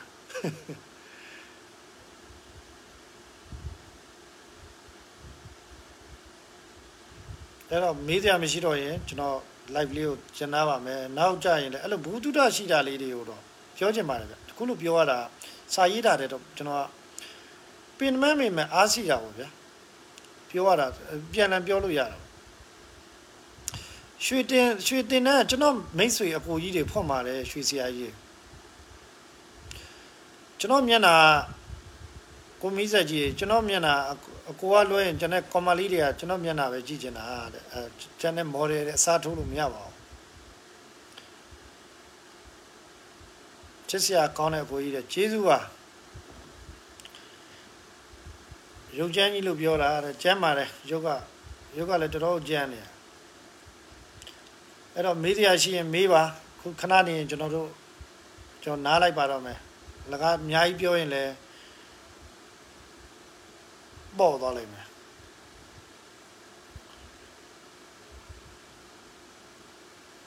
ဟို ဟွာလေးဖြစ်ရင်လည်း like and share လေးလည်းလုပ်ပေးကြပါနောက်ကြရင်ကျွန်တော်ခင်ဗျားတို့နဲ့အဲ့လိုပဲ Sunday Top ပုံစံမျိုးလေးတွေတော့ပြောချင်ပါတယ်စကားလေးပြောချင်တယ်ဆိုတာအသိမြင်ဖြစ်အောင်ကျွန်တော်တို့စီကျွန်တော်လူမျိုးခုနလိုကကွယ်တီမီရွှေရဘာမှမသိဟိုရွှေရဘာမှမသိဖြတ်ဆဆိုတာလည်းဘာမှမသိဈေးအထယ်ဝယ်ရမှလားမသိမီလီယံတုံးကလည်းမသိဘာမှမသိပဲနဲ့ရွှေတွေဂျမ်းဝယ်ကြတာအဲ့ဒီဝရီကနေအခုလူတွေဖြစ်ကုန်တာပေါ့ဗျာ အဲ့တော့ကြောက်စိတ်တွေလည်းအရင်မမွေးပါနဲ့ကြောက်စိတ်တော့ခုခုဒီနိုင်ငံကြီးကလည်းဘယ်မှထွက်မပြေးတော့ပါဘူးဒီနိုင်ငံကြီးလည်းอืมဘုရားလိုပေါ့တိုင်းဟိုသူများတိုင်းတစ်ပါးဒီစီတော့ဘယ်သူမှလည်းရောင်းစားလို့တော့မရတော့ဘူးထင်ပါတယ်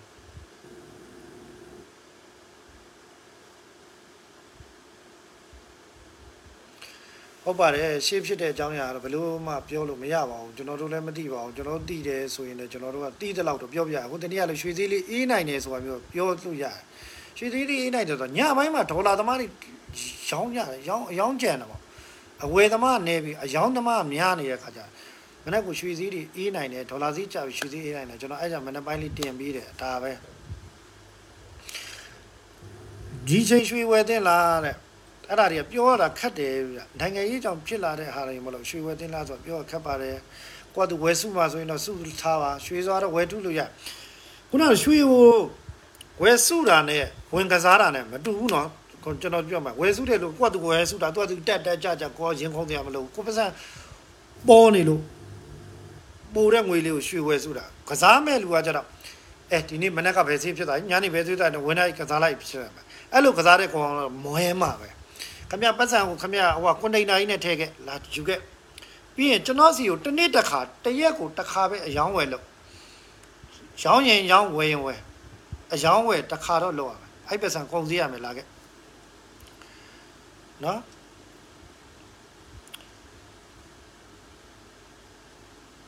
ကမ်ပါမေပြီးတော့မယ်ဆိုကိုကျော်ကြီးတဲ့အတန်နေတော့မျိုးစုံကြားနေရပါတယ်ကားအတန်နေတော့ကြားရတယ်မျိုးစုံကြားနေရပါတယ်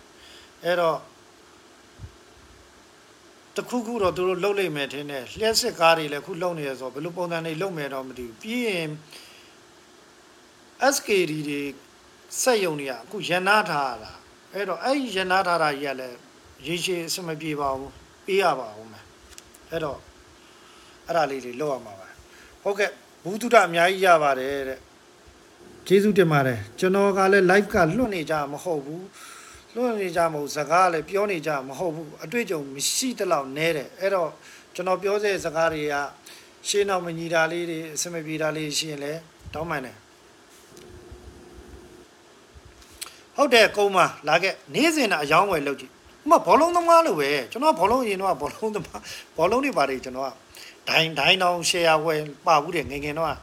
ဆယ်တန်းဟုတ်လားဘောလုံးပွဲကိုခမရကြိုက်ပွဲလေးပဲ တစ်ပတ်ကိုတစ်ပွဲဖြစ်ဖြစ်နှစ်ပွဲဖြစ်ဖြစ်လောင်းအဲ့ဒါဘာမှမဖြစ်ဘူးတကယ်ပြောလားကြိုက်ပွဲကြိုက်ပွဲလေးဥမာကဒီတစ်ပွဲကတော့ပေါက်ကြည့်ကြည့်ပြီးတော့ဒီပွဲကတော့အပိုင်မဲလို့လောင်းတစ်ပွဲတည်းမှာနိုင်နိုင်ရှုံရှုံနေလိုက်အဲ့လူကအဲ့လိုလူမျိုးကမြက်နိုင်တယ်မြက်တယ်ပေါ့ဆယ်ပွဲရှိရင်ကိုးပွဲကွဲကိုးပွဲလောက်ရိုက်တယ်မရိုက်ရတဲ့နေလည်းမရှိဘူးယူရိုပီလာလီယောဝါလီယောအကုန်လုံးရိုက်တယ်အဲ့လိုကောင်မျိုးမွဲတာပဲ မွဲတယ်ပြီးရင်ကျွန်တော်တခုပြောပြအောင်မယ်ဗျဟို online ပေါ်မှာလောင်းကစားလုပ်ငန်းတွေအရန်ကိုခက်ထနေရလေအဲ့ဒါကိုလုံးဝမလုပ်ကြပါနဲ့ဖဲကားဖဲကဂိမ်းတွေရောဝါဂိမ်းတွေရောလုံးဝမလုပ်ကြပါနဲ့ကျွန်တော်မိတ်ဆွေတော်တော်များများတွေမှာဘဝပြက်ကုန်ကြပါအကုန်လုံးတောင်ပြေးမြောက်ပြေးမိသားစုတွေကွဲအကုန်လုံးဖြစ်နေပါတယ်အဲ့တော့ မလုပ်ကြပါနဲ့လောင်းကစားတွေကိုယောက်ျားတွေရောကိုမိန်းမတွေရောလုံနေသလားဆိုတော့ပြန်ကြည့်ပါဘန်အကောင့်တွေပါကြည့်နော်ပြီးရင်ဘန်အကောင့်လည်းကြည့်ပြီးရင်ကိုကိုရဲ့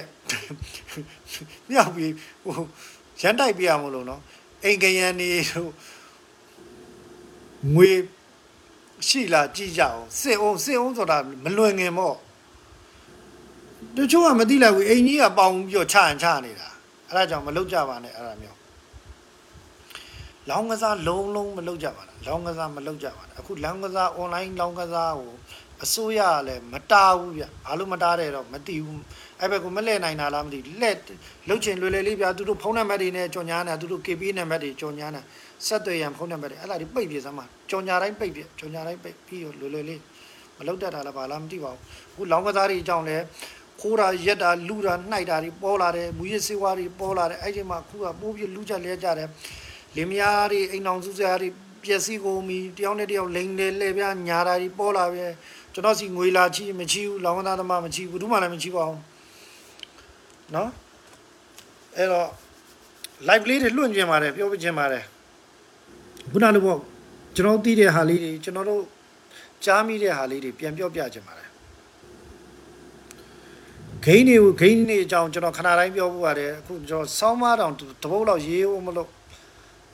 အခုပြည့်ရတော့လူငယ်တွေအရက်အရန်တောက်လာပါတယ်တာကြီးအေးစေလားခက်ခဲနေတဲ့ပြဿနာမျိုးအောင်ဖြေရှင်းလိုက်ပါညာဆိုလူငယ်တွေကဟာဖြေရှင်းပြဿနာဖြေရှင်းရက်တော့ဖြေရှင်းလို့ရတယ်ဆိုဖြေရှင်းရက်တော့တယ်လောင်းကစားလုပ်တယ်အဲ့နှမျိုးမြန်မာပြည်မှာအကြီးကျယ်ဖြစ်နေတယ်ရက်တော့တာရဲ့လောင်းလောင်းကစားလုပ်တာရဲ့အဲ့တော့အကုန်လုံးလဲတော်တော်လေးကိုပျက်စီးနေကြပြီအဲ့တော့ကိုယောက်ျားကိုမိန်းမလောင်းကစားတွေလုပ်နေလားတေချာကြည့်ပါကိုကလောင်းကစားလုပ်တာ ခင်ဗျဘောလုံးပွဲရင်ခက်ကလို့လမ်းထိပ်သွားကြည့်နေရတဲ့ခင်မဟုတ်တော့ဘူးဖုန်းလေးထဲမှာဖက်ဖဲကစားနေလို့လည်းရတယ်အမေဂိမ်းကစားလို့လို့နဲ့ဖဲကစားလို့လည်းရတယ်။ဘာဖဲဂိမ်းငါးပြည့်ဂိမ်းမသိပါဘူးကျွန်တော်တော့မစော်ဘူး။အဲ့တော့အဲ့ဓာတွေကိုမလုပ်ပြရွာစင်းနဲ့လုံနေတဲ့လူတွေဘွားပြက်တာပဲအကုန်ပြက်ပြက်ကုန်ပြီ။ပြက်အဲ့ဓာတွေဘာအမခံချက်ရှိလို့လောက်ကြမှန်းကိုမသိဘူး။သိလား။ကျွန်တော်နားမလည်လို့ပါကျွန်တော်ကျွန်တော်တကယ်ချင်းပြောပြအောင်။အဲ့လိုပဲ ချဲထိုးတာ online ကနေ online ကနေချဲထိုးတာဟိုတနေ့က200ဘူးပေါက်တာ200ဘူးတဲ့ပေါက်တော့နော်တသိန်းရမှာသူ့ဘလော့ပြေးသွားပြီပလက်လောက်ကြနော်အဲ့တော့လောင်းကစားတွေမလောက်ကြပါနဲ့ခမရတို့မှာဘာအာမခံကြမှာမရှိခမရတို့ချဲ9000ဘူးပေါက်ပေါက်ထွက်ပြေးမှာပဲမပြေးဘူးလို့ခမရဘယ်သူကပြောမှာတော့ဒီလောက်တပတ်စောင်းနေဖြစ်နေတဲ့လောင်းကစားကိုတတူးတတူးနေပေါ့ဗျဖဲရိုက်တာတို့ဘာလို့မလောက်ကြပါနဲ့အကိုဝါတွေကိုလည်းလောက်ကြပါအားလုံးကျမချမ်းသာကြပါစေ လွင်ဆန္ဒပြကြပါစေဖြစ်နိုင်ရင်15ရက်တစ်ခါလောက်ကျွန်တော်လုပ်ပေးပါမယ်ခုနလိုအတိမြင်ရမယ့်ဟာလေးတွေပြောကြမယ်ခမရတို့စီရဟာလေးတွေကျွန်တော်ပြန်ကြားလို့ရတာတယ်ကောင်းမယ်ဟုတ်အဲ့